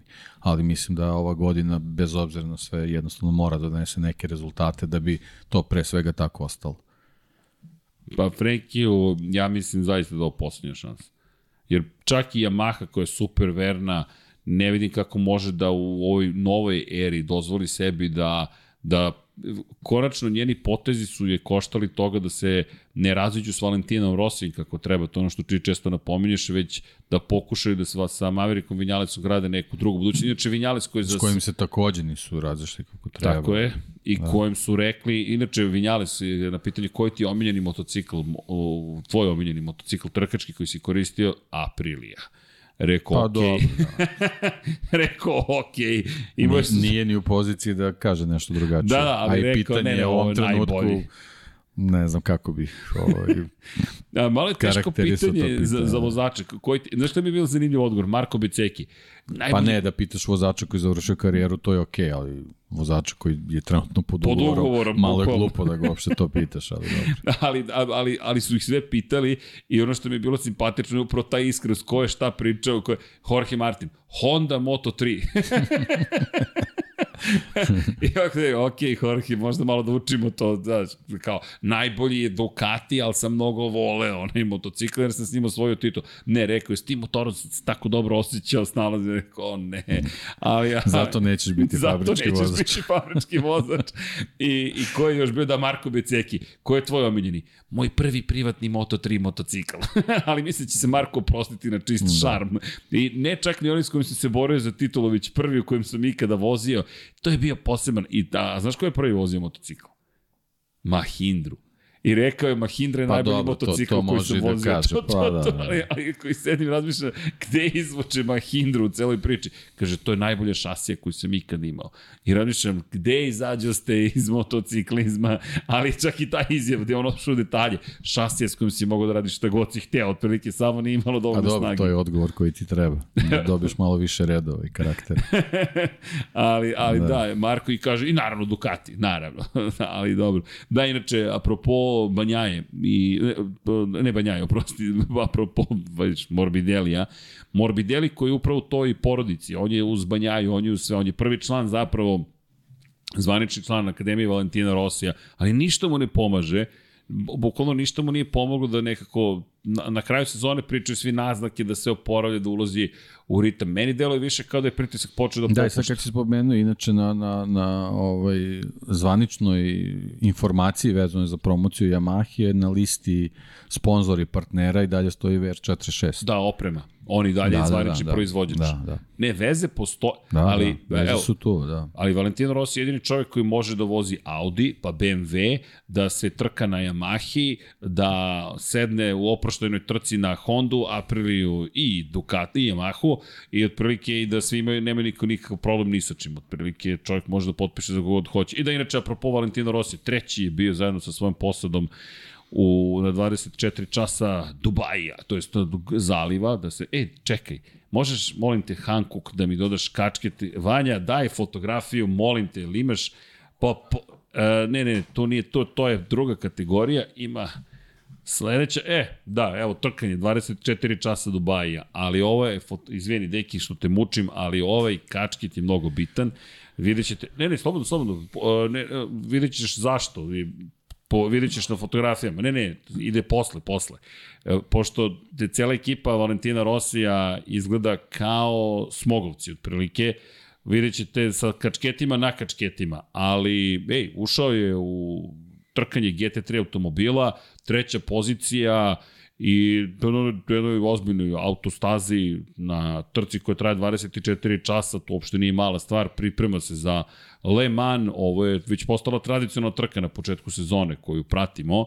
I bilo je lepo vidjeti malo eto, fotografije iz iz Dubaja, vidjet ćete na pobedničkom postolju Valentina Rossi zajedno sa ostatkom ekipe, tim koji pratimo zahvaljujući tome što je tu Valentino Rossi čovjek koji je imao 115 pobjeda i LT evo je M4 GT3 dakle i koji imao naravno i devet titula gledam samo gde je u svim kategorijama praktično, e, iseče ga, ta, onaj tamo desno nam je Rossi, ova je jedina uspravna koja nam treba da bude široka, ne veze. Ali ako možeš, šta ti ga Rossi da tamo desno na muni, znaš kako izgledaju, kao da se, i svi imaju kačkete na kačketima, mnogo, evo ga. pa čekaj, e, imam ja moj kačket da znamo hiperbrendirani Valentino Rossi i onda je stavio ovaj Hanko kačket. Setio se se hvala Filipu Jeniću što nam je poklonio baš ovaj kačket i razmišljam pa to je to, imamo ga.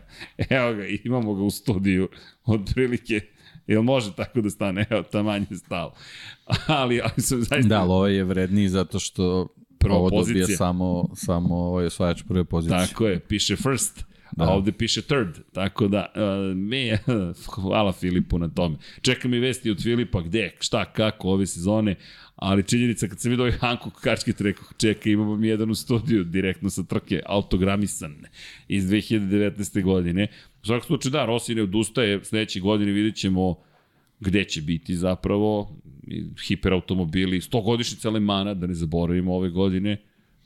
Pa generalno ove trke izdržljivosti koje vozi su trke koje pre svega treba da ga kvalifikuju, da bi mogo da učestvuje na Le Manu, opet s druge strane ovaj, jednostavno to je neophodno iskustvo i trening da bi, da bi mogao da, da, da ovaj, nastaviš dalje, ali definitivno je ovaj, to neki smer ovaj, koji, koji on sledi. Tako, tako, tako mi deluje.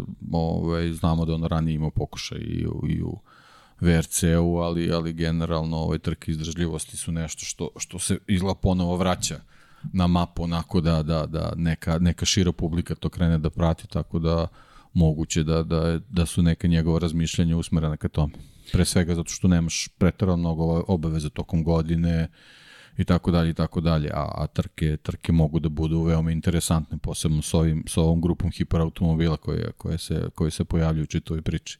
Da, mislim da će i Hasan ići na, na 24 časa Alemana, jednostavno ove godine to je veliki događaj, uvek je da. veliki događaj, ali posebno kada je 100 godišnjica. Pa 100 godišnjice, to je to. Da, inače, e, znaš šta je, če, ko da. još ima 100 godišnjicu? Novostatski sajam, to sam neki sad znao.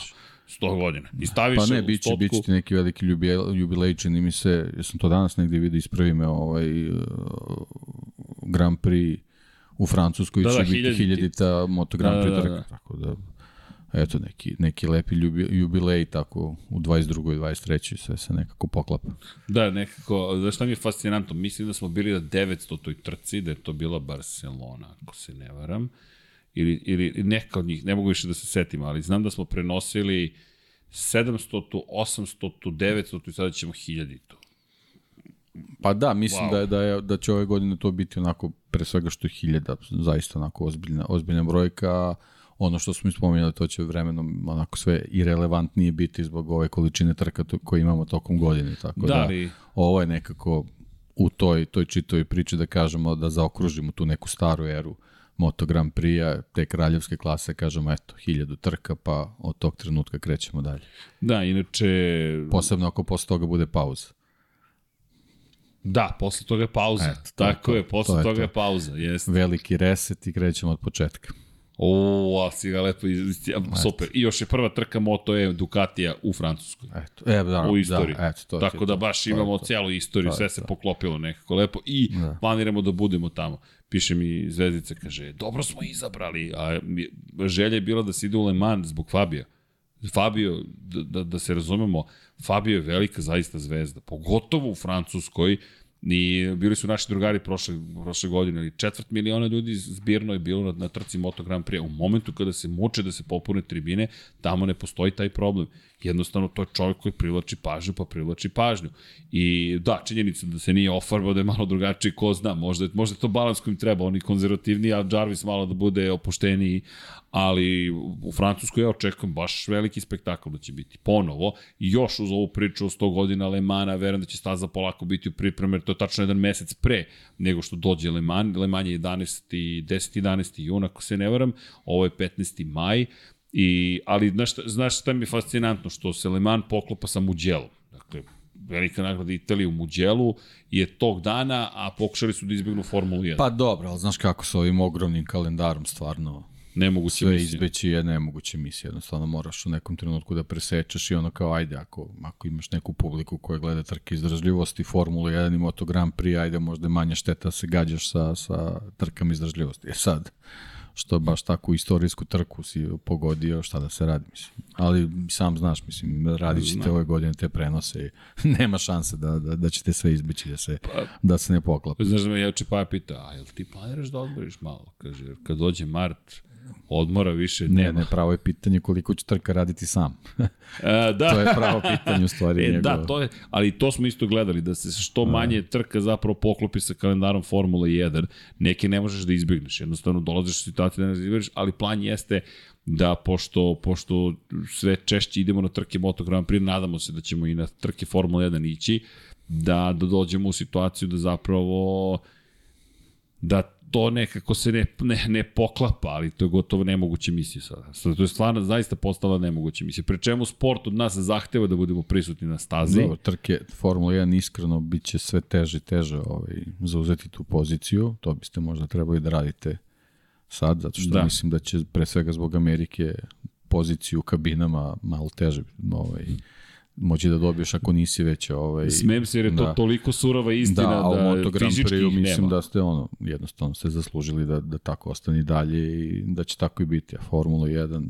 treba će baš da se zasušu rukavi da, da se dobije mesto. Da, trenutno je baš drugačija situacija nego što je bila.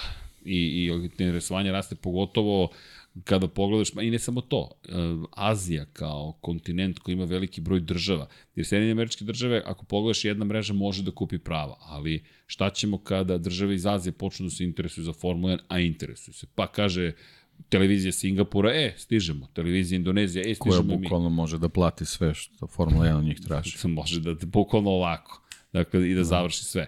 I ti kada pogledaš ka njima, zapravo... Plus povratak Nemačke koja je smanjila svoj, svoje zanimanje za Formulu 1, ako se to desi, Audi. E da, da juče mi zanima tvoje mišljenje, jeste da, ok, pričamo ljudi, družimo se januar, jer Dek je ovo nazvao ćaskanje uz čaj, samo nema čaja. Ali, dobro, bar ima vode, ali činjenica je da, da kada pričamo o, o, o svemu što se, ajde, zbiva i u Formuli 1 i u Moto Grand Prix-u, Nemačka koja nema trku, I Hasan juče rekao, nema ovde pomoći nikakve države, dakle šta možeš sam, možeš Tako sam. Je. Ali ono što je meni fascinantno, Mercedes imaš, stiže Audi, imamo interesovanje Porschea na ovaj način i opet nema trke.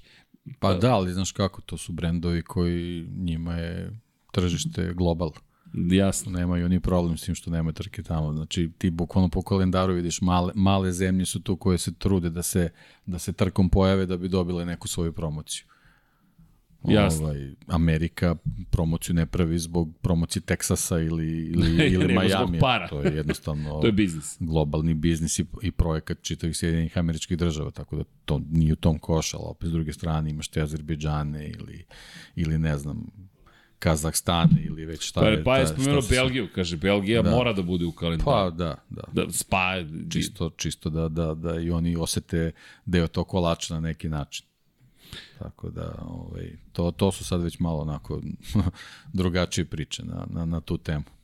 Da, inače, da se vratimo i na, na, na Morbidelli. Morbidelli ne menja šefa ekipe, prošle godine ga je promenio, Dakle, Ramon Forcada je to bio otkaz. Inače, Ramon Forcada će koji će biti u Moto E klasi. To je ono što mi takođe oduševljava. Ramon Forcada je legendarni inženjer koji je najveći uspeh imao sa Jorge Lorenzo kada su osvojili tri titule šampiona sveta u pojedinačnoj konkurenciji u Moto Grand Prix klasi. Sve sa Yamahom ali ono što mi je fascinantno jeste šta ti ta inženjerska ljubav, gde dolazi nešto novo i RNF ekipa će zapravo imati kao šefa ekipe u Moto E klasi Ramona Furcado.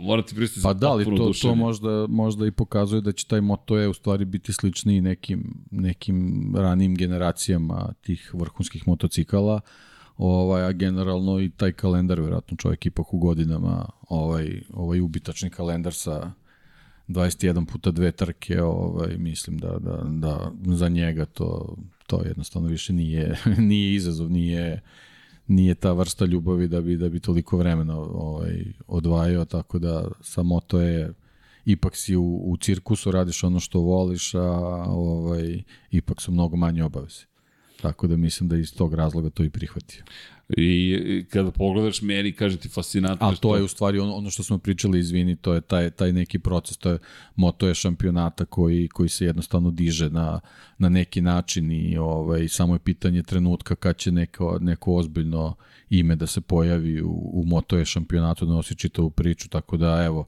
sad već kad spominjemo sve živo šta se pojavilo ovih dana, to sam ti isto kucnuo, recimo taj neki Andreja Janone kad se vrati zašto ga ne bi video u Moto E šampionatu. Pa to je, da, i Andrej Janone inače kuca na vrata. Kucamo na vrata zaboravljeni pa, Hasova, da, bukvalno. Mislim, čovek. Ističe mu ističe mu ta nenormalno duga kazna ovaj za doping za doping četiri dobro. godine pa da sve okej okay, ali ne ne dobro, vidi ne, ne, ništa ja ne ja, ulazimo da ne, vidi možemo da. ali fascinantno je dakle najmanja kazna koju dobiješ po pravilniku ADE je svetske antidoping organizacije asocijacije jeste 4 godine za prvi prekršaj. Andreja None pritom dobio 18 meseci kazne, su, dobio suspenziju na 18 meseci koju mu izrekla, izrekao FIM. Suprotno povelji vade, Vlada se nije ni bavila time, potpuno neinteresantan slučaj. Dok Andrej Janone, dakle to je greška FIMA koja ide na ruku Andrej Janoneu i onda se Janone žalio i u celu priču ubacio vadu koja je rekla zašto ste ga kaznili sa samo 18 meseci, pošto je se dokazalo da jeste koristio doping, onda je dobio produženje za 30 meseci. To se zove kako samog sebe da, da eliminiši. da, ne, ali to je kažem, tako, nećemo sad ulazimo to, pro, prošlo je, prolazi. Ali, žao mi je, da, ali istovremeno jest. groteska, da ne znam ne, ne, šta je. Neverovatno, neverovatno duga kazna za nešto što, ne znam, u ovom sportu stvarno... Pogotovo u ovom sportu. Znaš, ok, ne, ne znam, ne, ne, nećemo sad ulazimo u tu temu dopinga stvarno, pošto ovaj, treba se ipak bolje pripremiti da bi, naravno, da bi ušao sve to, ali, ali da kažem, eto, ok, uh, najvažnija stvar za njega je da ga ljudi nisu zaboravili posle toliko vremena i da je on onako poželjna osoba u tom šampionatu, pre svega zato što do, donosi uz sve ovo što imamo šarenilo u Moto Grand Prix, on je ipak neko ko donosi neku posebnu boju i neku posebnu priču i eto, ako, ako u ovom modernom Moto Grand Prix-u ne može da bude mesta pre svega za čoveka koji već mislim, godine čine svoje naravno ovaj, koji je toliko toga propustio za ove četiri godine šta se dešavalo u Moto Grand Prix-u da, da onako stvarno jako teško videti ga da može u stvari da pronađe svoje mesto tu, eto, ovaj, ili neki superbike ili, ili neki Moto E, ali kažem, eto, ako, ako sad već pričamo o Moto E i, i nekoj nekoj želji tog šampionata da, da, da postane sve ozbiljniji i ozbiljniji u zavisnosti kako to Dorna vidi ili, ili već ko. O, eto, mislim da bi Janone možda mogao da bude osoba koja bi neki svoj povratak mogao da, da, da bazira na, na, ovaj, na, na toj priči. Pa da, Janone koji je imao podršku Aprilija do poslednjeg trenutka. Aprilija apsolutno nije odustajala od Andreja Janone, pošto je Janone postao zvanični vozač Aprilije i sad koliko bi možda stvari izgledale drugačije, da je to i dalje bio Andrej Janone. Niko ne zna, ali to je to ja ne one ovo prokletstvo. Jednostavno čovjek je sebe doveo u neku čudnu situaciju, međutim on je dostaje od ideje da se trka i tražio je savjet od Valentina Rosija. Da li možeš biti brz posle 35 godina? Možeš, samo pogledaš Valentina Rosija. Da, da, da prosto... Možeš, ali nemoj se dopinguješ. da, pa inače, poslednji put kada se ozbiljnije borio za titulu šampiona sveta, titulu broj 10, Valentino Rossi ima 36 godina. To je 2015. Tad se borio za titulu, bio nadomak titula, vodio, vodio je tokom cele sezone. Samo na kraju nije. Tako da, da li možeš? Možeš, ali... U nekom drugom Moto Grand Prix. Dobro, da, ok, ali ako uđe u Moto E, to, to, to, pa, to apropo da. toga. Superbike Moto E, zašto da ne? Da, ali bilo bi lepo videti ga, u svakom slučaju, Jenone, ove, Jenone, Jenone, Pa ono neki, eto, neki kada, simpatični antiheroj. Da, bukvalno, simpatični antiheroj, ali kada, je bi, kada bi bio njegov dan, kada je to raspoloženje bilo najviše moguće milo, Andreja None je zaista bio spektakularan. Meni njegove trke na speed upu i dan danas su neke od najpečetljivijih u Moto2 klasi. Čovjek zaista igra igricu u tim situacijama. Problem je što to njega zanima to je ta tog vikenda i sledećeg je već on je drži kafić, tetovira se. Pa zato je to taj Moto je možda odgovara u ovom nekom formatu gde nema preterano veliki broj trka ko zna.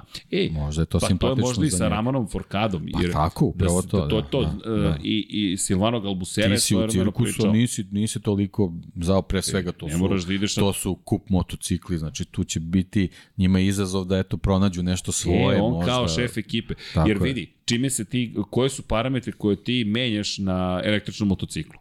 Dakle, ok, oslanjanje po defaultu, to ti je vozilo koje ti koristiš, tvoja šasija, kako ćeš da namestiš, ok, teški su motocikli, 200 i nešto kilograma i tako dalje, ali da li se ti igraš sada sa mapiranjem motora, obrtni moment, kada, koji, šta, zašto, kako i kako, jer to je igra zapravo izdržljivosti. Kako da tvoj motocikl, to je Luka Stolović sjajno odradio kada je prvi put pobedio u, na Red Bull ringu. Akcija je bila sledeća, trošimo bateriju na početku trke, agresivan pristup, imam prednost i onda polako branim tu poziciju, branim tu poziciju, branim tu poziciju. To je Dukativa strategija bila sa Banjajem u Mizanu, na primjer, prošle godine. Odoh ja, ti Fabio ako mi stigneš, Fabio je stigao, ali krug prekasno i sad to igra zapravo nekih tamo genijalaca, poput Kristijana Gabarinija, poput, jel te, Ramona Forkade, Ili, da, ok, da, da sad ne spominjem ih sve, ali svaki inženjer igra i svoju igru. Ima on svog rivala u suprotnoj garaži. Tako da to sa Forkadom baš zanimljivo. Simpatično. Inače, da, samo htio sam kažem, Morbidelli zadržao Patrika Primera, pr primera zapravo, kog je i doveo umesto Silvana Galbusere. Galbusere je bio u, u Monster Yamahi, a Franko je hteo da nastavi saradnju sa, sa Ramonom Forkadom, ali jedini odgovor koji je ikada dao bilo je zašto niste nastavili. Ponekad u životu ne možeš dobiti sve što želiš. Mick Jaggerovski otprilike. I razmišljam, ko je ovde sprečio Forkada da dođe zapravo u Yamahu, ali vidi se da je pričao za kulisnim radnjama ili da je možda Forkada rekao dosta ali nije mi se činilo da je rekao dosta jer je nastavio čovjek da sarađuje i dalje u RNF ekipi. Kako god, Ramon Forkada je to da. A ima puno novih šefova timova, baš se mnogo toga promenilo. Cijela jedna emisija treba se posvetiti tome ko, A, gde, bi možda dolazi. mogli pred početak sezone. Tako je, tako da, je. Da, sad ne. U okviru pripa, ja, sad ne, sada proći ne, ne, samo ne, ne, na brzinu i onda sada ne. ne. Sada ne. Da. Ali eto, Franco Morbidelli... Da vidimo i te, ta testiranje kako će proći, da vidimo kako, šta je ko posveti u stvari veću pažnju tad ovaj, na, na, na tim testiranjima, prvo da kako će ono da prođe što tiče vremenskih uslova, ako, ako ponovimo neku, neku lošu priču, onda ništa nećemo nećemo i tu saznati, tako da ajde da to ostavimo možda za, za neki drugi put. Da, svakako, eto, samo da konstatujemo Morbidelli, ja nemam ništa da kažem, osim onih čuvenih priča koje su gotovo na nivou, na nivou floskule već. Kada se mučiš, puno naučiš, sada je trenutak za napad, napravit ću još jedan korak, to čujemo toliko puta, ali nadam se da dolazi taj moment kada će se zaista to desiti, jer nekako nedostaje mi Franko Morbidelli, nedostaje mi i taj vozač, ne znam više gde se uklapa u celo ovoj priči, baš mi je velika, lepo si rekao Enigma, pa eto, samo da konstatujemo, držimo palčevi, nadam se da ćemo vidjeti Frenkija na, na, na, na željenom nivou. Suština je što se tiče njega i, i Fabija, samo su dve Yamahe na, na, na gridu, bit će pod, pod ogromnom lupom i jako je važno da, da, da, da ostan, to jest da, da Fabio ostane u vrhu karavana, da mu se Franki ovaj, približi. Vidi, ako si u lošoj formi u ovom savremenom Moto Grand Prix, a neko je u dobroj formi i u sprintu i u glavnoj trci, ti do pete trke Ne, ne, biće, igra je, igra je potpuno drugačija, posebno što imaš, uh, kako beše, uh, uh, trening 2 i trening 4 će odlučivati poredke, je li tako? Da imaš uh, zapravo ne, kvalifikacije će zameniti kvalifika, uh, šta ti određuje Q1 i Q2? Dešava, uh, trening 2 i trening 4, ili tako? Tako je, on ti se pre... Zap, pa nema... Uh, ili... Ne, ne, ne, čekaj, čekaj. Kako se u stvari zove, ja sad ne znam kako će se zvati. Evo, Ajde, sad ću ti reći tačno da. kako ide. Dakle, kada je reč o, o, o, o, o, prav, o pravilnom formatu, dakle, samo sekund. Evo ovako, format... Možda dakle, sam ja pretumbao brojeve u stvari, da. Je, pred, brojeve, ja više, da. ja ih trenutno nemam direktno u glavi, ali ovako. Dakle, a, kombinovana vremena, petak veče i prva polovina... To je trening, šta je petak veče? To je trening 2. A, da, to je trening 2. To je dobro. I Uh, prva polovina zapravo dana, ajde da ga tako, ne znam kako da sad, prepodne, ajde, ti imaš zapravo u subotu trening broj 3, koji traje pola sata, pre kvalifikacija. Onda dolaze kvalifikacije i onda ideš po sprint trku. Mm -hmm. A čekaj, šta određuje Q1, Q2? Određuju ti dvojka i trojka. Dvojka i trojka, tako, tako će je, se zvati. Aha, tako je, dvojka i trojka. Da, da, ideš da, trening broj 1 ujutru, da, da. popodne ide trening broj 2, sutra ujutru trening broj 3, samo što trajamo isto 45 minuta, pola sata, onda idu kvalifikacije i odmah posle mm. kvalifikacije u 3 popodne ti je, je sprint da, da, da, da. Dakle, ne da, ne da je sabijeno, nego je sve sabijeno. Pri čemu? Znači, bit će ti jako važno da i u treningu 2 imaš dobro vreme, s obzirom da, pošto se trening 3 vozi ujutro, može se desi da, prvo što su drugačiji vremenski uslovi, može se desi pada neka kiša.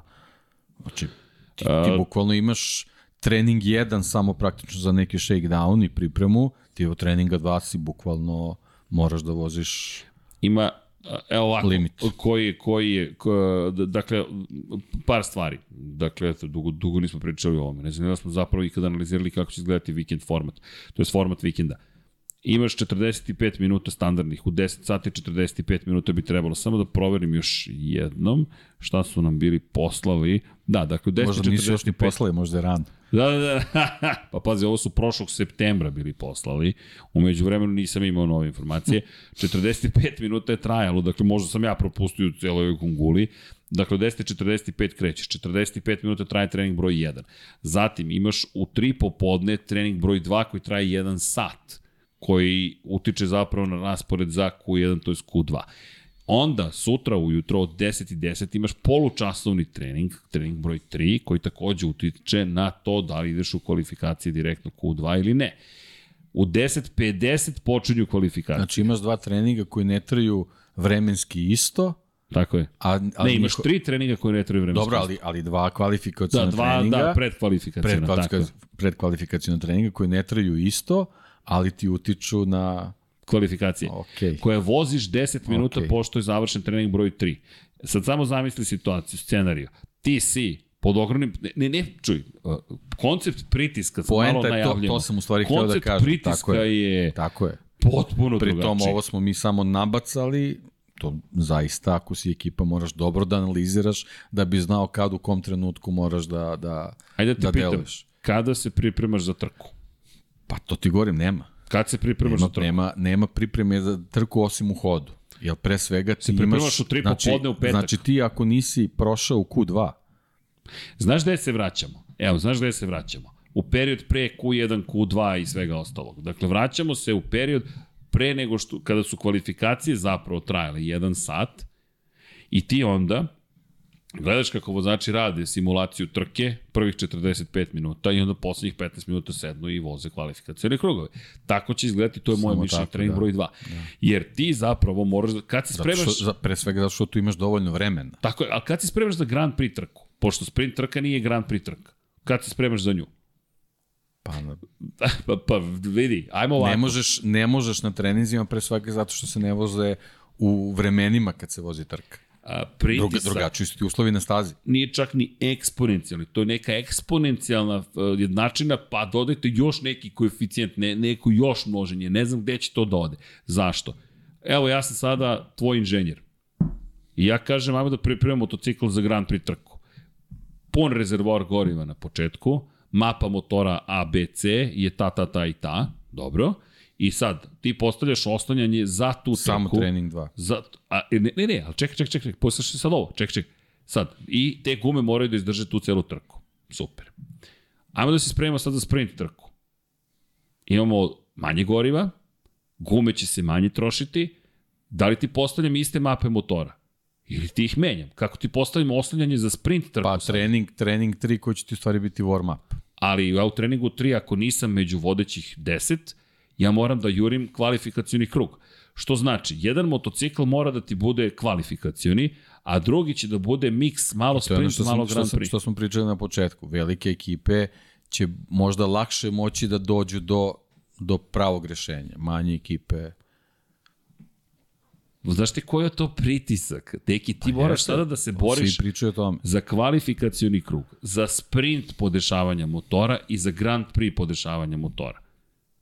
U istom periodu vremenskom, samo drugačije raspoređenom, pri, pri tom, čemu imaš vozače koji su različitih profila. Imaš vozače koji sporije se, od, tako je, od prvog. od, od prvog kruga, imaš vozače koji svoju poziciju grade tokom trke. Znaš, znaš ko mislim da je u problemu? Luka Marini, po defaultu. E, ne, Bastianini. treba- Ne, Bastianini, njima treba više vremena. I sad još jedna stvar, kako ti izgleda subota? Tebi je subota pakao. Ti, ako si, nisi među vodećih 10, moraš da uđeš među vodećih 10 za Q2, pogotovo u savremenom Moto Grand Prix-u. Kvalifikacije voziš 10 minuta pošto si se ubacio u Q2, ukoliko si se ubacio. Moraš da voziš Q2 da bi imao više krugova. A šta ako znači, si... nije samo da, a kvalifikacija čekaj, a šta ako padneš u, u treningu broj 3? Šta ako se povrediš? Šta ako se povrediš? Nema prst. I kažeš, ja ne mogu da vozim kvalifikacije. Ja voziš sprint trku. Ti si bez poena. Dakle, u treningu broj 3 svi sede u garažama i u fazonu su, ja, ja ne izlazim, vala, bolje da startujem 15. nego da rizikujem.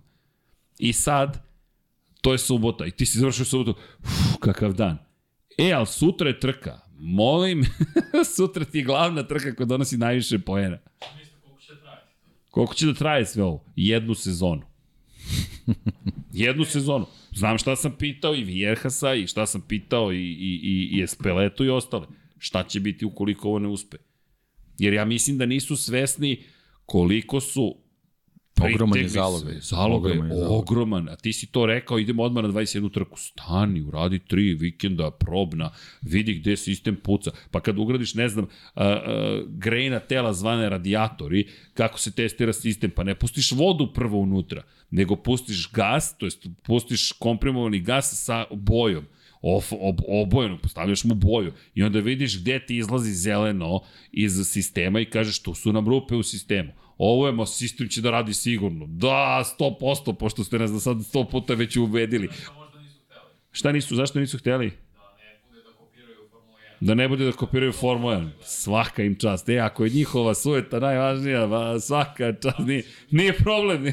Pri čemu, tebi treba tri motora da eki po vozaču. Ne, ne, ja te razumijem vanja šta govoriš, ali mi prošle godine smo se igrali igre gde je kontejner sa delovima motora.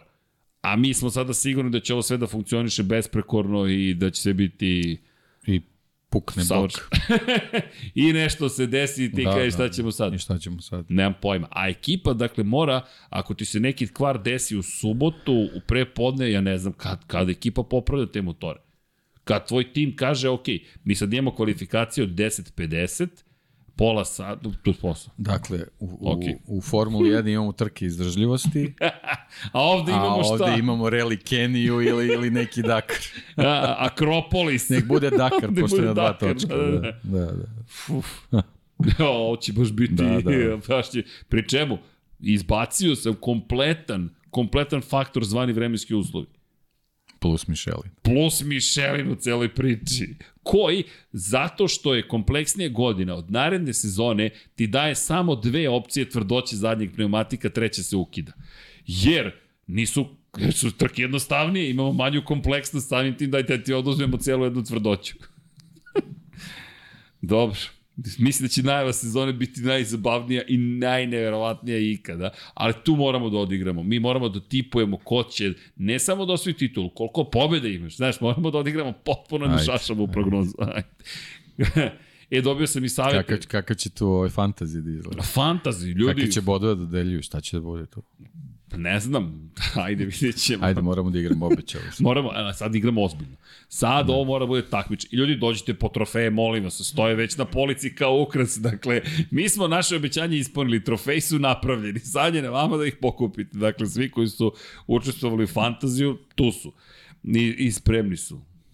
Da, ali te, gde smo mi otišli, a moraš nekako. Pa ne dobro, možeš to je, se- to je to generalno. To je okej. to. Šta, sve smo prošli. Ma jesmo, jesmo, nego... Ne, Kažem, jedino, jedino što je izvesno je da je Yamaha predstavila motocikl, to je boje. Eto, to je, to je jedino što je izvesno. A sve ovo što smo pričali, onako, priča uz kaficu. izgovor da se družimo, da. bukvalno, ali da, ovo ti je izašla je nova, nova, novi livre je izašao, šta to znači? Pa ništa, imamo da, da crtamo, imamo neke nove stvari da pripremamo, da, ali, ali vidi, opet je bilo zabavno, gledam, rekao, najzad se pojavio motocikl, to, prezentacija, nekako lepo izgleda, ako ništa drugo. Da, inače Kvartarar, ajde da, da ne zaboravimo još par stvari, koji je rekao da je zapravo imao ponudu i drugih proizvođača i da jednostavno da je želeo da ostane tu gde jeste, bukvalno. I povukao svoj potez, Lin Jarvis je zaista hvalospeve na račun Kvartarara izneo, rekao je da postoje ti redki vozači,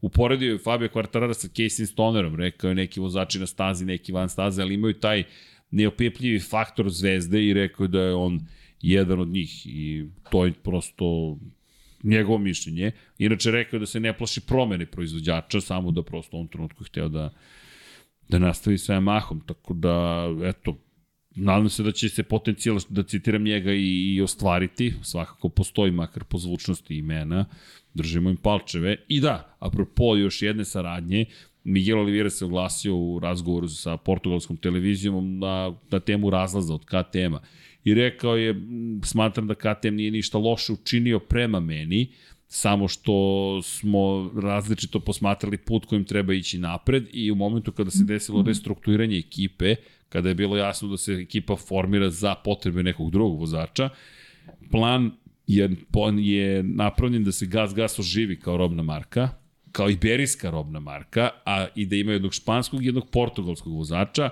Rekao, meni se to samo nije dopalo. Prosto nisam Ili ti nije hteo da zatvori leđa, zatvori vrata donjim delom leđa. Tako je, vrlo kulturno je Eto, sve da. to obavio. Vidim da se smeškaš, ali A, da. vidi, zato Ne, će... ne, ne, mislim, gorelo je to, nije, nije to baš tako jednostavno bilo, ali dobro, okej. Sad, je, sad je na njemu Kad da, da, rat. da pokaže da li je bio pravo. Ej, vidi, svi oni na kraju dana, ako je Fernando Alonso mogao da se vrati u McLaren, ja mislim da je sve na ovoj planeti moguće. Dakle, Kažem, samo je bitno da, da eto, kroz te izjave baš ne, ne, ne moraš da iznosiš sav prljaveš, eto, to je to, on je, on je onako baš lepo diplomatski to složio i jest. to je još jedan, da kažem, i njegov kvalitet u toj, tu, toj nekoj, u tom nekom funkcionisanju Moto Grand Prix, tako da... Da, inače, samo da napomenem da kada govorimo o, o, o njemu, mislim da će on biti Enea Bastianini 2023. Da, kažem, po tom nekom algoritmu koji smo imali u prethodne 3-4 sezone To sa tim, to. sa tim uh, ozbiljnim uh, konkurentima u sezoni na starim evolucijama motocikala, mislim da ako, ako se to nastavlja, da je on To je prvi on. da to bude. Meni je to baš mi Da to piše, bude ovaj pogodak. nekako mi piše RNF Aprilija, Prvo što i RNF taj. ima, ima želju da, Ima. da, da se vrati, tako da ovaj, sa, sa raspoloživim podacima i sa odličnim motociklom definitivno ovaj, nema šta, on mora da bude taj peti. Ne, ne, meni se, meni se dopada ta kombinacija. On mi deluje zadovoljno. Bio je brzo u testiranjima. RNF lepo si rekao spremanje. Aprilia, ljudi, Aprilia ozbiljno motocikl. Deki, ono što smo mi videli prošle godine, to je zaista, prema rečima Olivire, to je motocikl broj 2 iza Ducatija. Složio bih se s njime. Pa ne, Zahvaljujući... prvo njegovi rezultati u Valenciji, niko, niko skoro nije tako odmah se na novi motociklu takve rezultate napravio, tako da to je onako ljubav na prvi pogled. Ba, i, I to je ono što se šta. desilo Bešti, da. tako da čekamo. Da, Da, da. I još jedna stvar, da, eto, da zaključimo sa, sa kamuflažom zvanom Yamaha, ne znam da, šta su kamuflirali, ali ovo nije kamuflaž, kamuflažni dizajn samo za Da, Moto imali Grand smo na Nikijevu kamuflažnu zastavu. Da, negde, sad ne znam gde je, eno je, tamo ispod, ispod Millerove majice. Ispod Millera, to ti kaže, Kejmo popularni, to. Ma sve imamo u studiju na kraju univerzuma. Evo ga, Nicky Hayden, pamtimo ga. Opa. Tu je Niki, broj 69. To je. E, malo drugačije, ali u tom kontekstu, ali inače ovo su nove boje Monster Yamahe i u motocrossu i u supercrossu, što mi isto zanimljivo objedinjuju zapravo svoj nastup na globalnom nivou, to nije baš bilo uobičajeno do sada, ali ti govori o nekim novim trendovima i kako se pristupa stvarima. Ajde da vidimo će to u Superbajku isto biti. Nisam baš siguran tamo. Jedan momak nosi neku Red Bullovu kacigu, ali ajde da vidimo kakvi su planovi. No i tu me ne bi čudilo da dođe do konsolidovanja situacije i da bude, ej čekaj, dođi, imamo neki ugovor ovde, ajmo da se dogovorimo šta ćemo, kako ćemo. Ne, ne, pričali smo o tome, Superbike moramo ozbiljnije da pratimo. De, od ove 23.. godine definitivno. Eto, neka vam to bude naš, naš novogodišnje, naše novogodišnje namere, resolutions, naš plan za ovu godinu. E, Hteo sam i Formulu E ozbiljnije da pratim, ali ne možemo da postignemo, a drugo, prva trka je bila problematična, pa sam rekao, ajde sad čekam možda neku novu generaciju. Ništa loši, ne mislim to zbog električnih vozila, ja obožavam taj napredak i sve što se dešava, ali činjenice da neko teško može sve ispratiti, mada eto, Andreti pobedio u Formuli E, pa je to bilo, bio simpatičan pogled na, na celu situaciju sa Cadillacom i Andretijem u Formuli 1, ali Superbike mora da se prati drugačije. Superbike je došao na jedan baš poseban nivo, tako da ćemo se potruditi oko toga, a što se tiče ostalih stvari, pa eto, malo smo časkali, možda smo nešto promašili, možda nešto nismo spomenuli, ali ne zamerite, ekipa se trudi i u ovim zimskim mesecima malo je možda uspavana, malo. Danas kažu pao pritisak, pa je zbog toga uspavanost veća kako god, ali udrite like, udrite subscribe, posetite patreon.com kroz Infinity Lighthouse. Jovane, jesi ti zadovoljan kako izgleda boja ova nova. I ti si u kamuflažnom, pazi, dukserici. Pa u kamuflažnoj dukserici čovjek ko navija za Fabija Kvartarana. Nema, to je novi imidž, tako se od sada prepoznaje na, na, na, na ulici i, i to je to. Pa definitivno mora tako. E, da, Što hoćemo da kažemo, srećni praznici. I još jedna stvar, i ovi svi koji su bili, Pre srećnih praznika ovo ne smeš da, ovaj, da zaboravimo. propustiš nikako, samo sekund. Promenio sam nova, profil, čekaj jest. da vratim. Dobro, Ne, ne, ne, nego imaš poruku dobro. koja glasi Slušam. Ima Srki poruku na patronu pa da podsjeti. Mario Vidović kaže. Čekaj, nisam video sada. Čekaj, čekaj, čekaj. Mario, izvini. Da vidimo gde su messages. Nisam video, kako sam to propustio? Aha, evo ga. A to su, a, sve to da, aha, danas nisam video. Pozdrav svima, jedno pitanje za srđane za večerašnji Lab 76. Hoće li u ovoj pauzi do sezone biti specijalo Jorge Lorenzo i Casey Stoneru? Pa da kompletiramo vanzemaljce sa specijalima, jer na specijali u Rosiju, Pedrosi i Marko su uvek lepo vratiti stvarno čuti ko su oni zaista. Dejane, kad te pitam ti uvek kažeš šta god da me pitaš, mora odgovorit ćemo da, verovatno, ali možemo, baš bi bilo lepo da iskoristimo možda priliku da Ajde da vidimo kako to da uklopimo, da li će to biti neka odvojena emisija ili u sklopu. Mislim da će nam ponestati vremena. Pa da. Morat ćemo to da odvojimo, ja mislim. Ali okej. Okay. To je zabava. Pa Jorge dobro, ajde naći možda neke povode pa da, da uklopimo. Pa to, to, to, da uklopimo neku priču. Ne znam da. kad su im rođendani.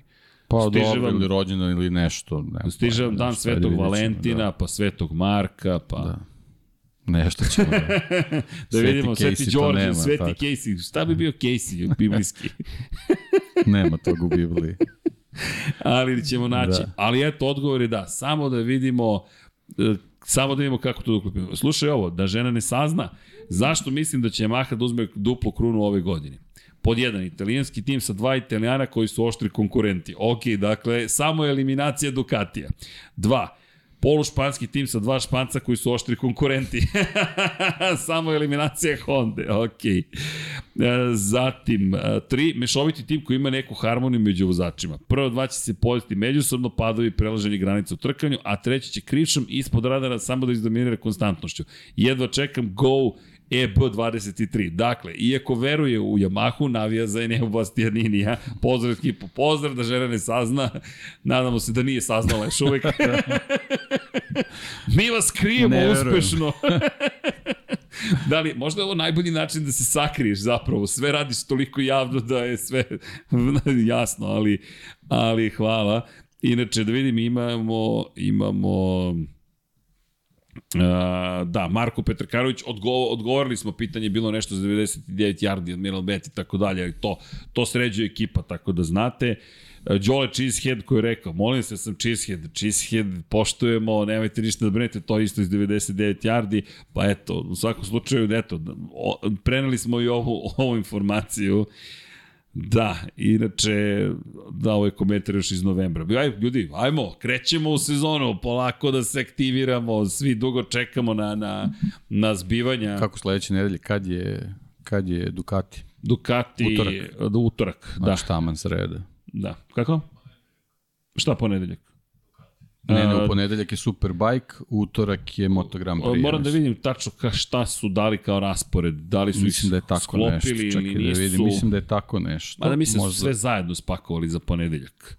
Da je i Aruba i Lenovo da su Zato istog dana. Zato što na pitanje da li će nositi 1 ili 63, Peko je rekao imam obe nalepnice kod sebe, pa ću utorak pred prezentaciju da odlučim. Mm -hmm, mm -hmm. Tako Aj, čekaj, da, evo da ti ali... kažem šta sam ja dobio kao zvanični raspored. Šta kažu u Ducatiju, rekli su sledeće.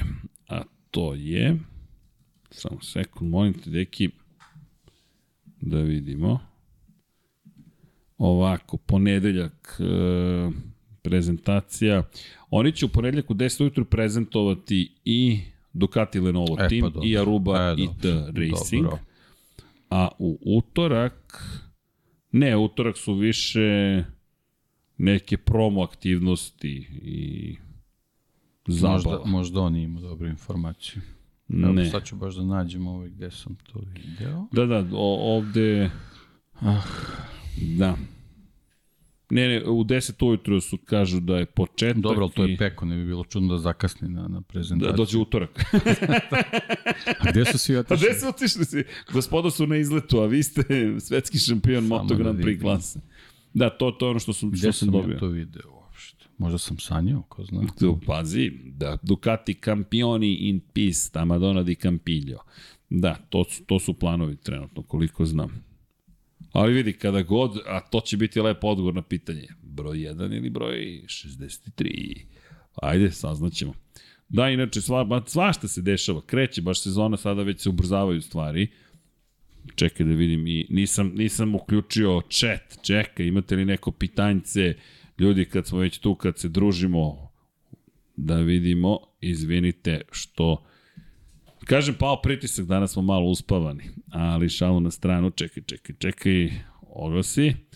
Ja bi Janoni u aprili barem sa wild cardom, kaže Zlatko Tajtan Ilijevski. To bi bilo lepo, s tim što Lorenzo Savadori baš odrađuje dobar. Posao Branislav Dević, provokativno pitanje za Vanju. Da li je preživeo Chargerse? Drži se ovde na, na elektrošokovi. Kako? Šta, ne, ne, ma ne, nije. Branislave, evo, kaže Vanja, ste gledali 99 yardi u ponedeljak.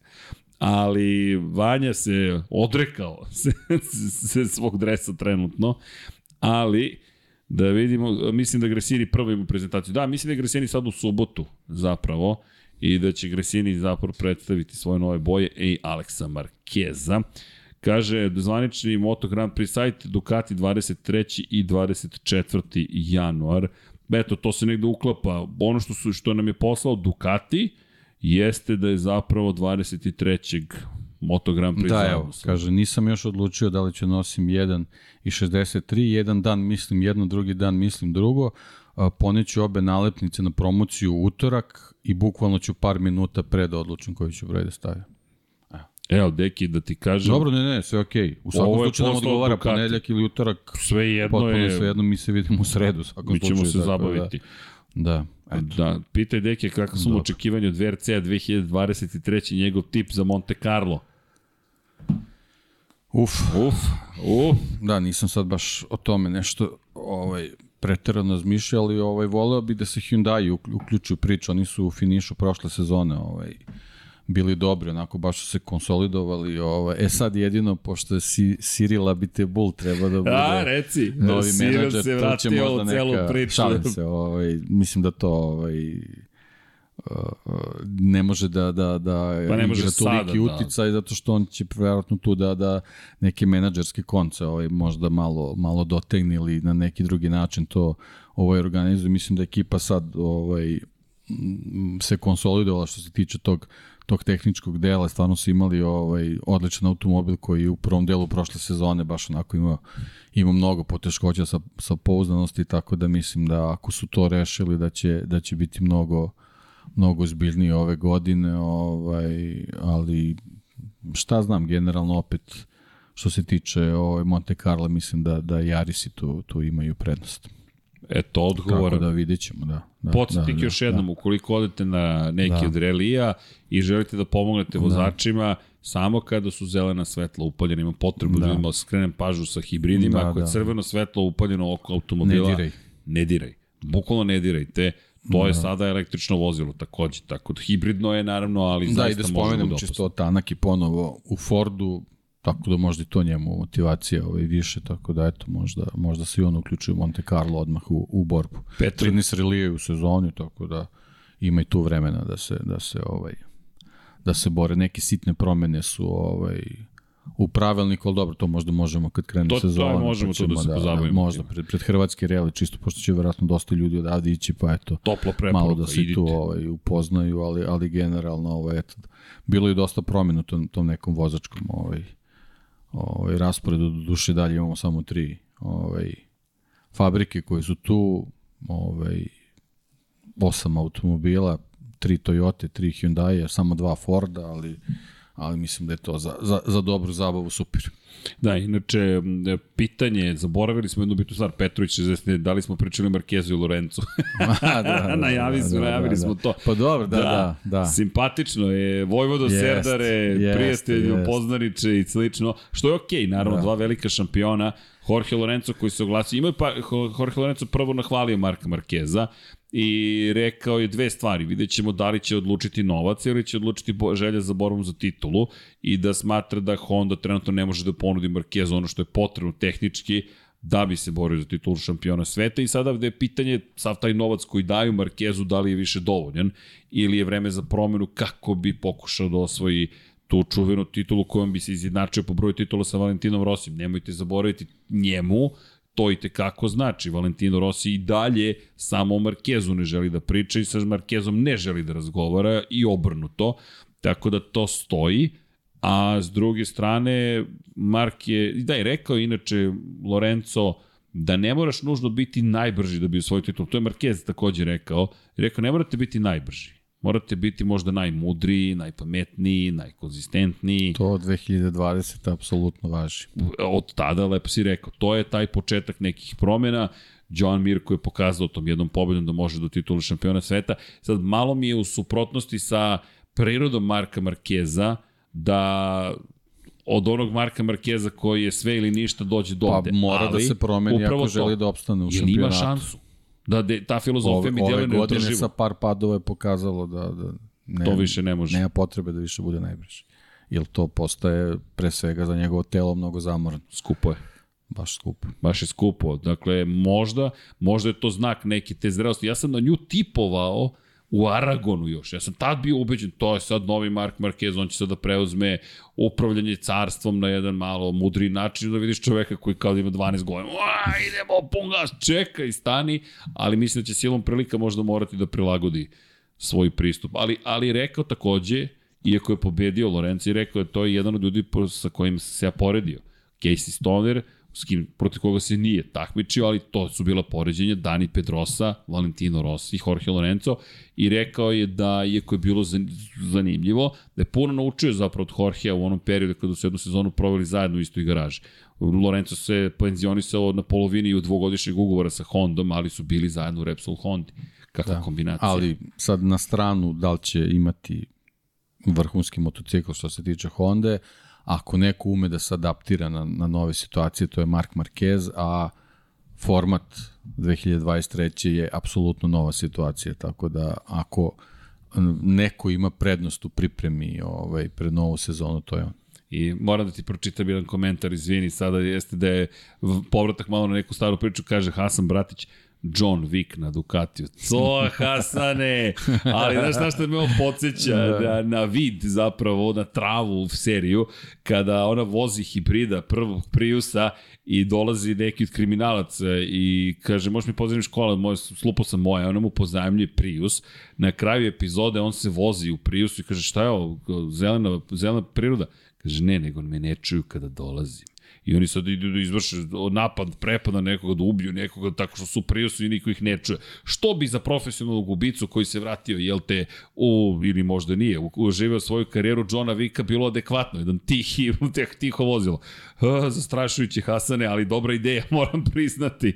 Da, vidiš, na Ducatiju John Wick, taman da se, the circle is now complete. Kako se zvao onaj, like, ne, uh, koji? Veštačka inteligencija, AI, onaj film e, sa uh, Will Smith, ono, nešto u budućnosti. Ja robot.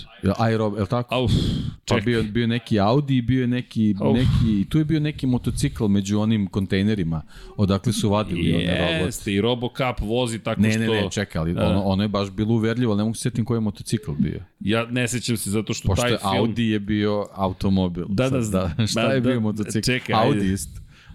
Čekaj sad, ali moram sad, sad ovde me uvlačiš u, u tam, na moju tamnu stranu me vodiš.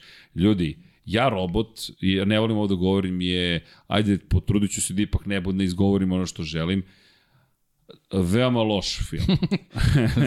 veoma loš film i sramota zapravo za književnost Isaka Asimova. Ja robot je jedna od, jedna od ključnih dela naučne fantastike.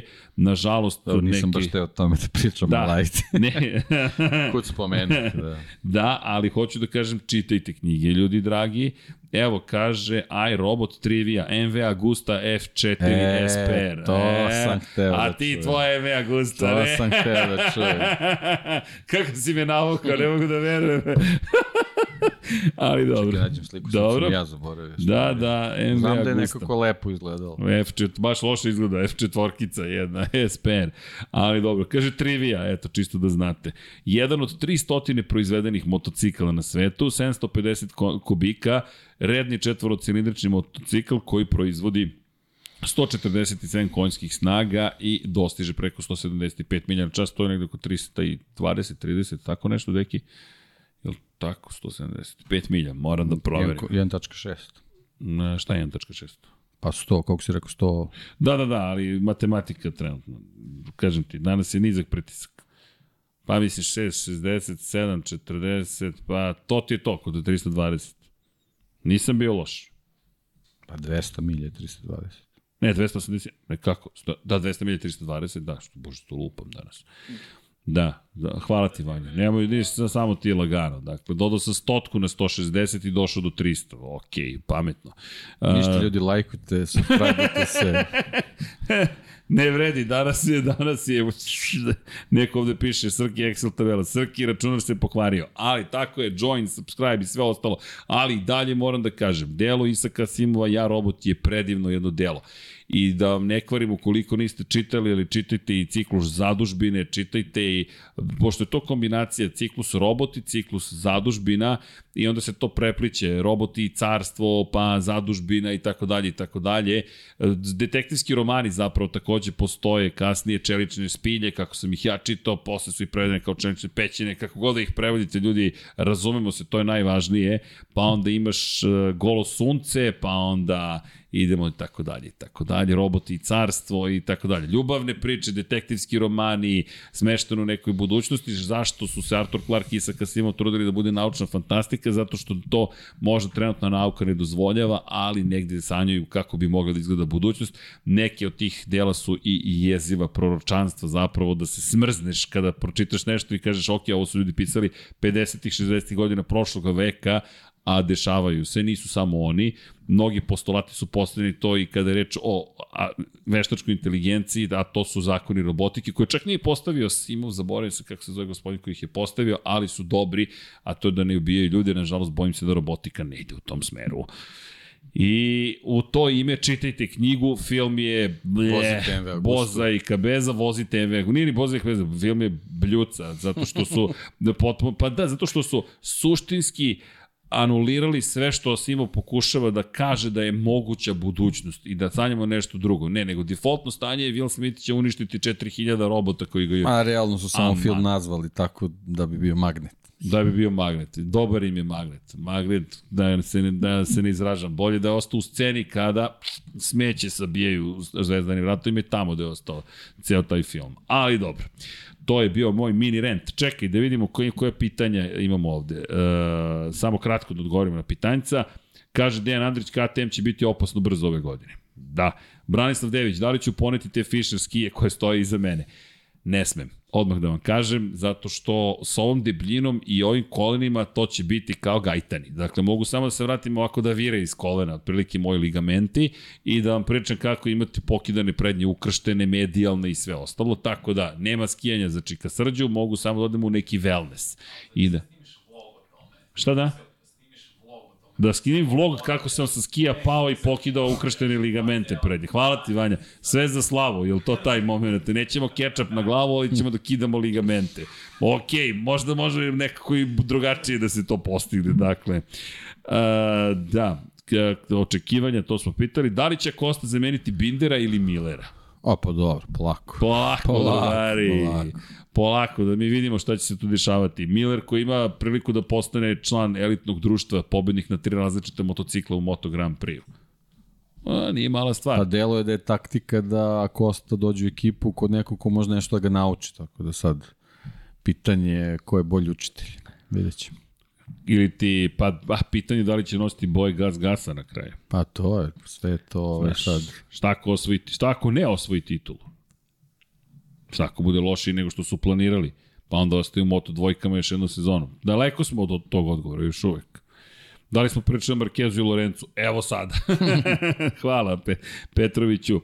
A, čekaj, Master Rima nas je pitao da ovo za Bindera. E, baš nemamo još uvek odgovor. Kaže, vaša predviđenja za šampiona Moto3, Moto2 i Moto Grand Prix, jedno ime, pozdrav za celu ekipu. Kuku, gde? Nećemo sad. Gde nas bacite? Pa kad bude bila najava sezone. Bude najava sezone. Ma može tako. I Tošiću, hvala, pratite, pratite ovaj kanal, bit će odgovor. Kaže, dek, deki moj tip je Danis Ordo za Monte Carlo. Ok. Dobro. Dobro, da. Dobro. Bahtir Abdulmaru dovirao 3 evra. To, how's it going, pita Bahtir. pa mogu vam reći malo pospojno, ali prilično dobro, nekako smo lepo raspoloženi ove sezone, držimo palče, će biti baš lepa i zabavno. Hvala još jednom za donaciju. Uh, ko će biti šef ekipe uh, u Gresiniju u, za, za Aleksa Markeza? Za Aleksa Markeza, čekaj, ko beše? Uh, Donatello Giovanotti. Donatello Giovanotti bi trebalo da bude njegov, njegov šef ekipe. To je novo lice, to novo lice. To je nema više, nažalost, cijela ta, to, će, to je odlično pitanje, zapravo treba i time da se pozabavimo. Čekaj da vidim šta mi je na spisku, na tabelici, ne, da vidimo. Mm, samo jedna stvar, gde je ko otišao. Dakle, Marko Rigamonti, to znamo za Eneu Bastianinija. Uh, Kazo je došao kod Maverika Vinjalesa. Matarolo je kod Olivire. Da, Trevatani i Spargaro ponovo sarađuju, što je super za njih. Međutim, gde mi je... Da, da, da vidim. Alex Marquez, Donatello Giovanotti. Donatello Giovanotti, eto, to je novo, no, no, novo ime u celoj toj priči, tako da eto, vidjet ćemo kako će to sve da se dešava. Inete, koliko se sećam, on je bio forward racing, ali nemojte me držati sada za reč. Mislim da je on bio u forwardu. To moram da saznam. Ali u svakom slučaju to je novo ime, pa eto vidit ćemo kako će se to sve ispostaviti, kako će se sklopiti kockici, ali to ćemo sve u najavi, da ne idemo sada predaleko. Zatim, ajde sad ruki godine, čekajte, čekajte, sve ćemo to da najavimo. A, kaže, Romano se vraća ponovo, da, Romano Fenati, to smo najavili, vraća se, to je ne znam da smo pominjali tokom prenosa, ali da, ide u Moto trojke. Zatim, Laku noć, Laku noć cijeloj ekipi Lab 76, Muđela, Rabijata 1-2, Laku noć i lepo spavajte. Edo, Edo, 278. Pa, plašim se lavine, pusti ligamente. Zato ću ja da odem u retreat, u neki wellness, razumete, neki, neki spa ili nešto, oni nek se skijaju do mile volje, nek radi šta god hoće. A, dobro, da, Boris potiče, nažalost, da na snegu se dešavaju takođe ozbiljnije nezgode, pa da, dešavaju se razne stvari, ali činjenice da, da, da zaista ne sam da stane na ski, evo, vrlo otvoreno. Dakle, ugojio sam se 20 kg u poslednje dve godine i abdominalni mišići manje više trenutno ne postoje, a oni su mnogo važni i za leđa i za sve ostalo i to bi sigurno dovelo do jednog neprijatnog pada. Cenim na ligamente da bi prvo sve to otišlo tako, da nema potrebe, bolje da mogu da hodam. Cenim da bi to bilo zabavnije. Uh, kaže da imamo pitanje zašto Romano Fenati može da vozi u Moto3, a ne može da vozi John McPhee. I mislim da John McPhee jednu godinu stariji, da, je, da zato ne može da vozi. Da, da je zapravo McPhee sad ću vam reći tačno, John McPhee, da, John McPhee, ne, dve godine, Fenati 96. a John McPhee 94. Tako da znate. A što se tiče Romana Fenatija, pa eto, Da vidimo šta će da uradi u Snajpersu. Po stoti put u Snajpersu Romano Fenati. Ti lutaš bebo.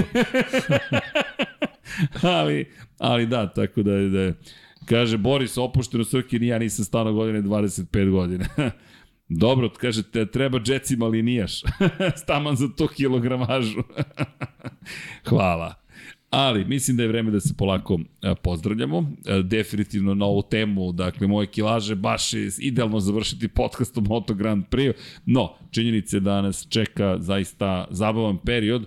Mi vas, jel te, pozdravljamo svi zajedno, cijela ekipa Infinity Lighthouse-a Mo, mislim da treba da prestane više da, da poželim praznike lepe, ne znam da li ću sam, sve smo ih pokrili, evo kineska nova godina se, se približava, pa ćemo onda i time da se pozabavimo, ali nama najvažnija nova godina, sezona Formula 1, pa sezona Moto Grand Prix, a dodajemo nove godine i Superbike u celu priču. Može. Deki, to znači moramo da igramo i Fantasy da. Superbike.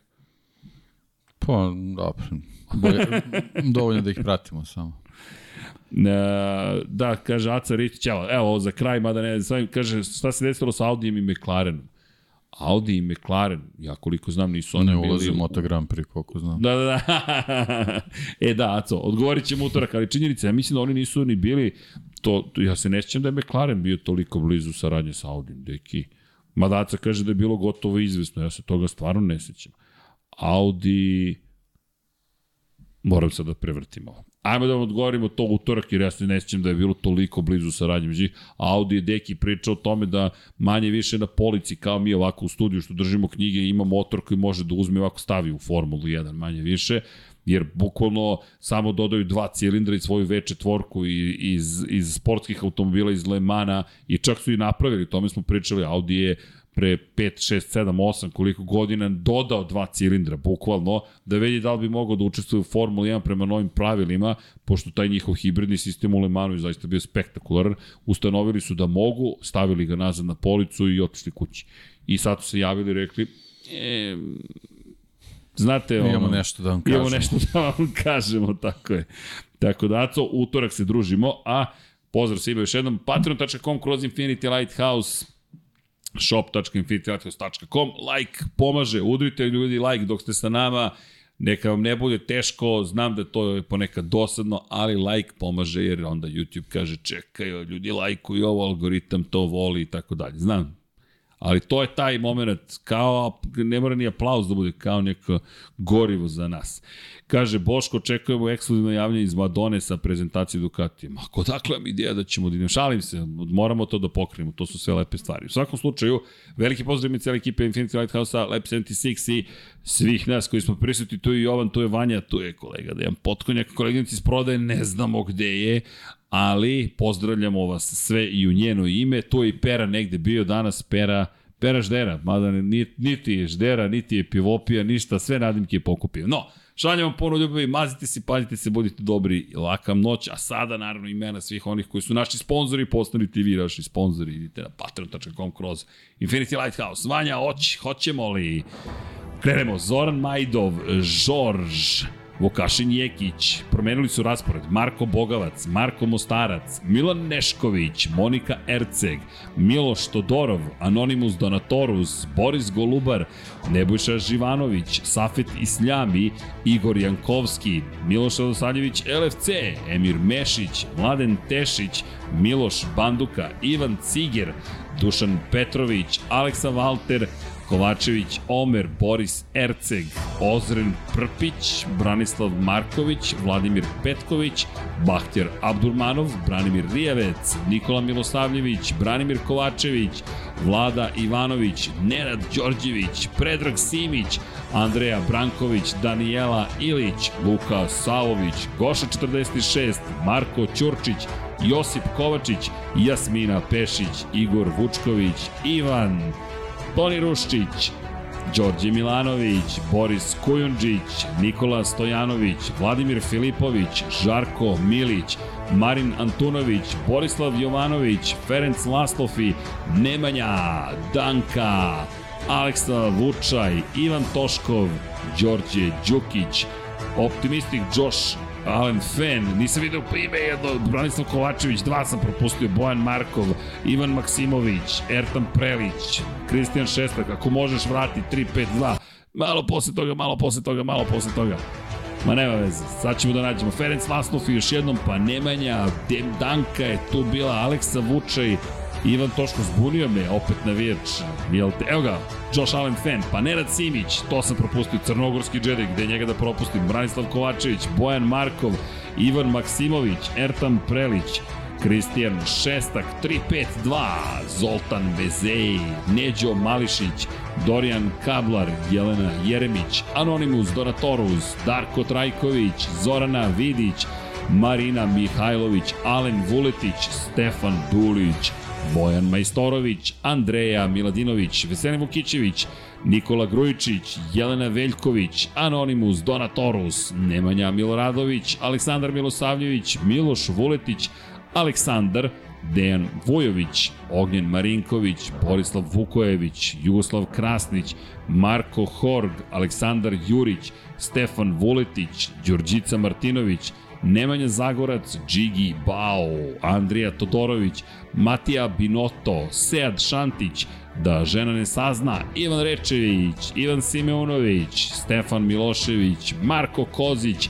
Luka Manitašević, Tijana Vidanović, Salim Okanović, Andrej Božo, Bojan Mijatović, Vojin Kostić, Matija Rajić, Đorđe Radojević, Jelena Mak, Luka Martinović, Matej Sopta, Novak Tomić, Alen Stojčić, Stefan Lešnjak, Aleksandar Antonović, Petar Relić, Boris Gvozden, Mirina Živković, Zoran Šalamun, Mlađan Antić, Đole Cheesehead, Stefan Vidić, Mario Vidović, Jasenko Samrđić, Ivan Milatović, Šmele, Miroslav Cvetić, Dimitrije Mišić, Lazar Pejović, Filip, Grgo Živaljić, Dušan Delić, Dejan Đokić, Dušan Ristić, Aleksa Lilić, Mihajlo Krgović, Zoran Cimeša, Marko Kostić, Antonio Novak, Marko Bo Borko Božunović, Sava Dugi, Marko Petrekanović, Đole Bronkos, Nikola Božinović, Mladen Krstić, Branko Bisački, Žarko Jovanović, Bojan Markov, Đorđe Janjić, Vlada Ivanović, Aleksandar P, Vladan Đurić, Milorad Reljić, Galeksić, Sejdo Mujčić, Jelena Jeremić, DJ Regi, Anonimus Donatorus, Nemanja, Koja 7, Milan Knežević, Hrvoje, Almedin Ahmetović, Oliver Nikolić, Ivan Božanić, Uroš Ćosić, Staša Stevanović, Kosta Berić, Miloš Zed, LFC, Aleksandar Nikolić, Nemanja Miloradović, korespondent, korespondent, Ivan Magdalenić, Marakoš ili Marakos, Resničanin, Maksi, Dinstero, Igor Ninić, Zlatko Marić, Ivan Hornjak, Marko Stojilković, Aleks Volović, Nikola Kojić, Nemanja Cimbaljević, Tatjana Lemajić, Toni Soni 76, Nikola Grđan, Ivan Vincetić, Milanka Marunić, Vukašin Vučenović, Lav Lav, Pavle Lukić, Ivana Vesković, Mensur Kurtagić, Ivan Vujasinović, Nikor 24, Krorobi 00, Almir Vuk, Dejan Janić, Branislav Dević, Alen Jesenović, Voča Pero, Bojan Pejković, Vuk, Drago Veković, Marina, Ljiljana Milutinović, Marko Bogavac, MS13, Igor Ilić, Miloš Stanimirović, Uroš Čuturilo, Petar Bijelić, Nemanja Bračko, Nikola Niksi, Milan Bačić, Aleksandar Kockar, Bojan Gitarić, Bakadu, Nikola Vulović, Toleador, Veselin Vukićević, Nikola Božović i Zoran Majdov još jednom ili je to u krug išlo, kako god, sve sam pročitao. Više puta, ja mislim, ali nadam se da ste uživali, mi svakako jesmo, Deki je potpuno oduševljen, šalim se, naravno da jesmo, mi volimo tako malo da se šalimo da neko pomisli nešto ozbiljno, mega je ozbiljno, nego sam propustio Lego Build Day, ali samo ću ti reći, to sada postaje nedeljna zabava mnogima, ili ti mnogi prati Infinity Lighthouse, preteče, pratite trend setere u svetu YouTube-a. mlađenog Dena i mlađenog srđana. U to ime mi vam želimo svima lepo veče i naravno, hoćemo. Ćao, Ćao svima! svima.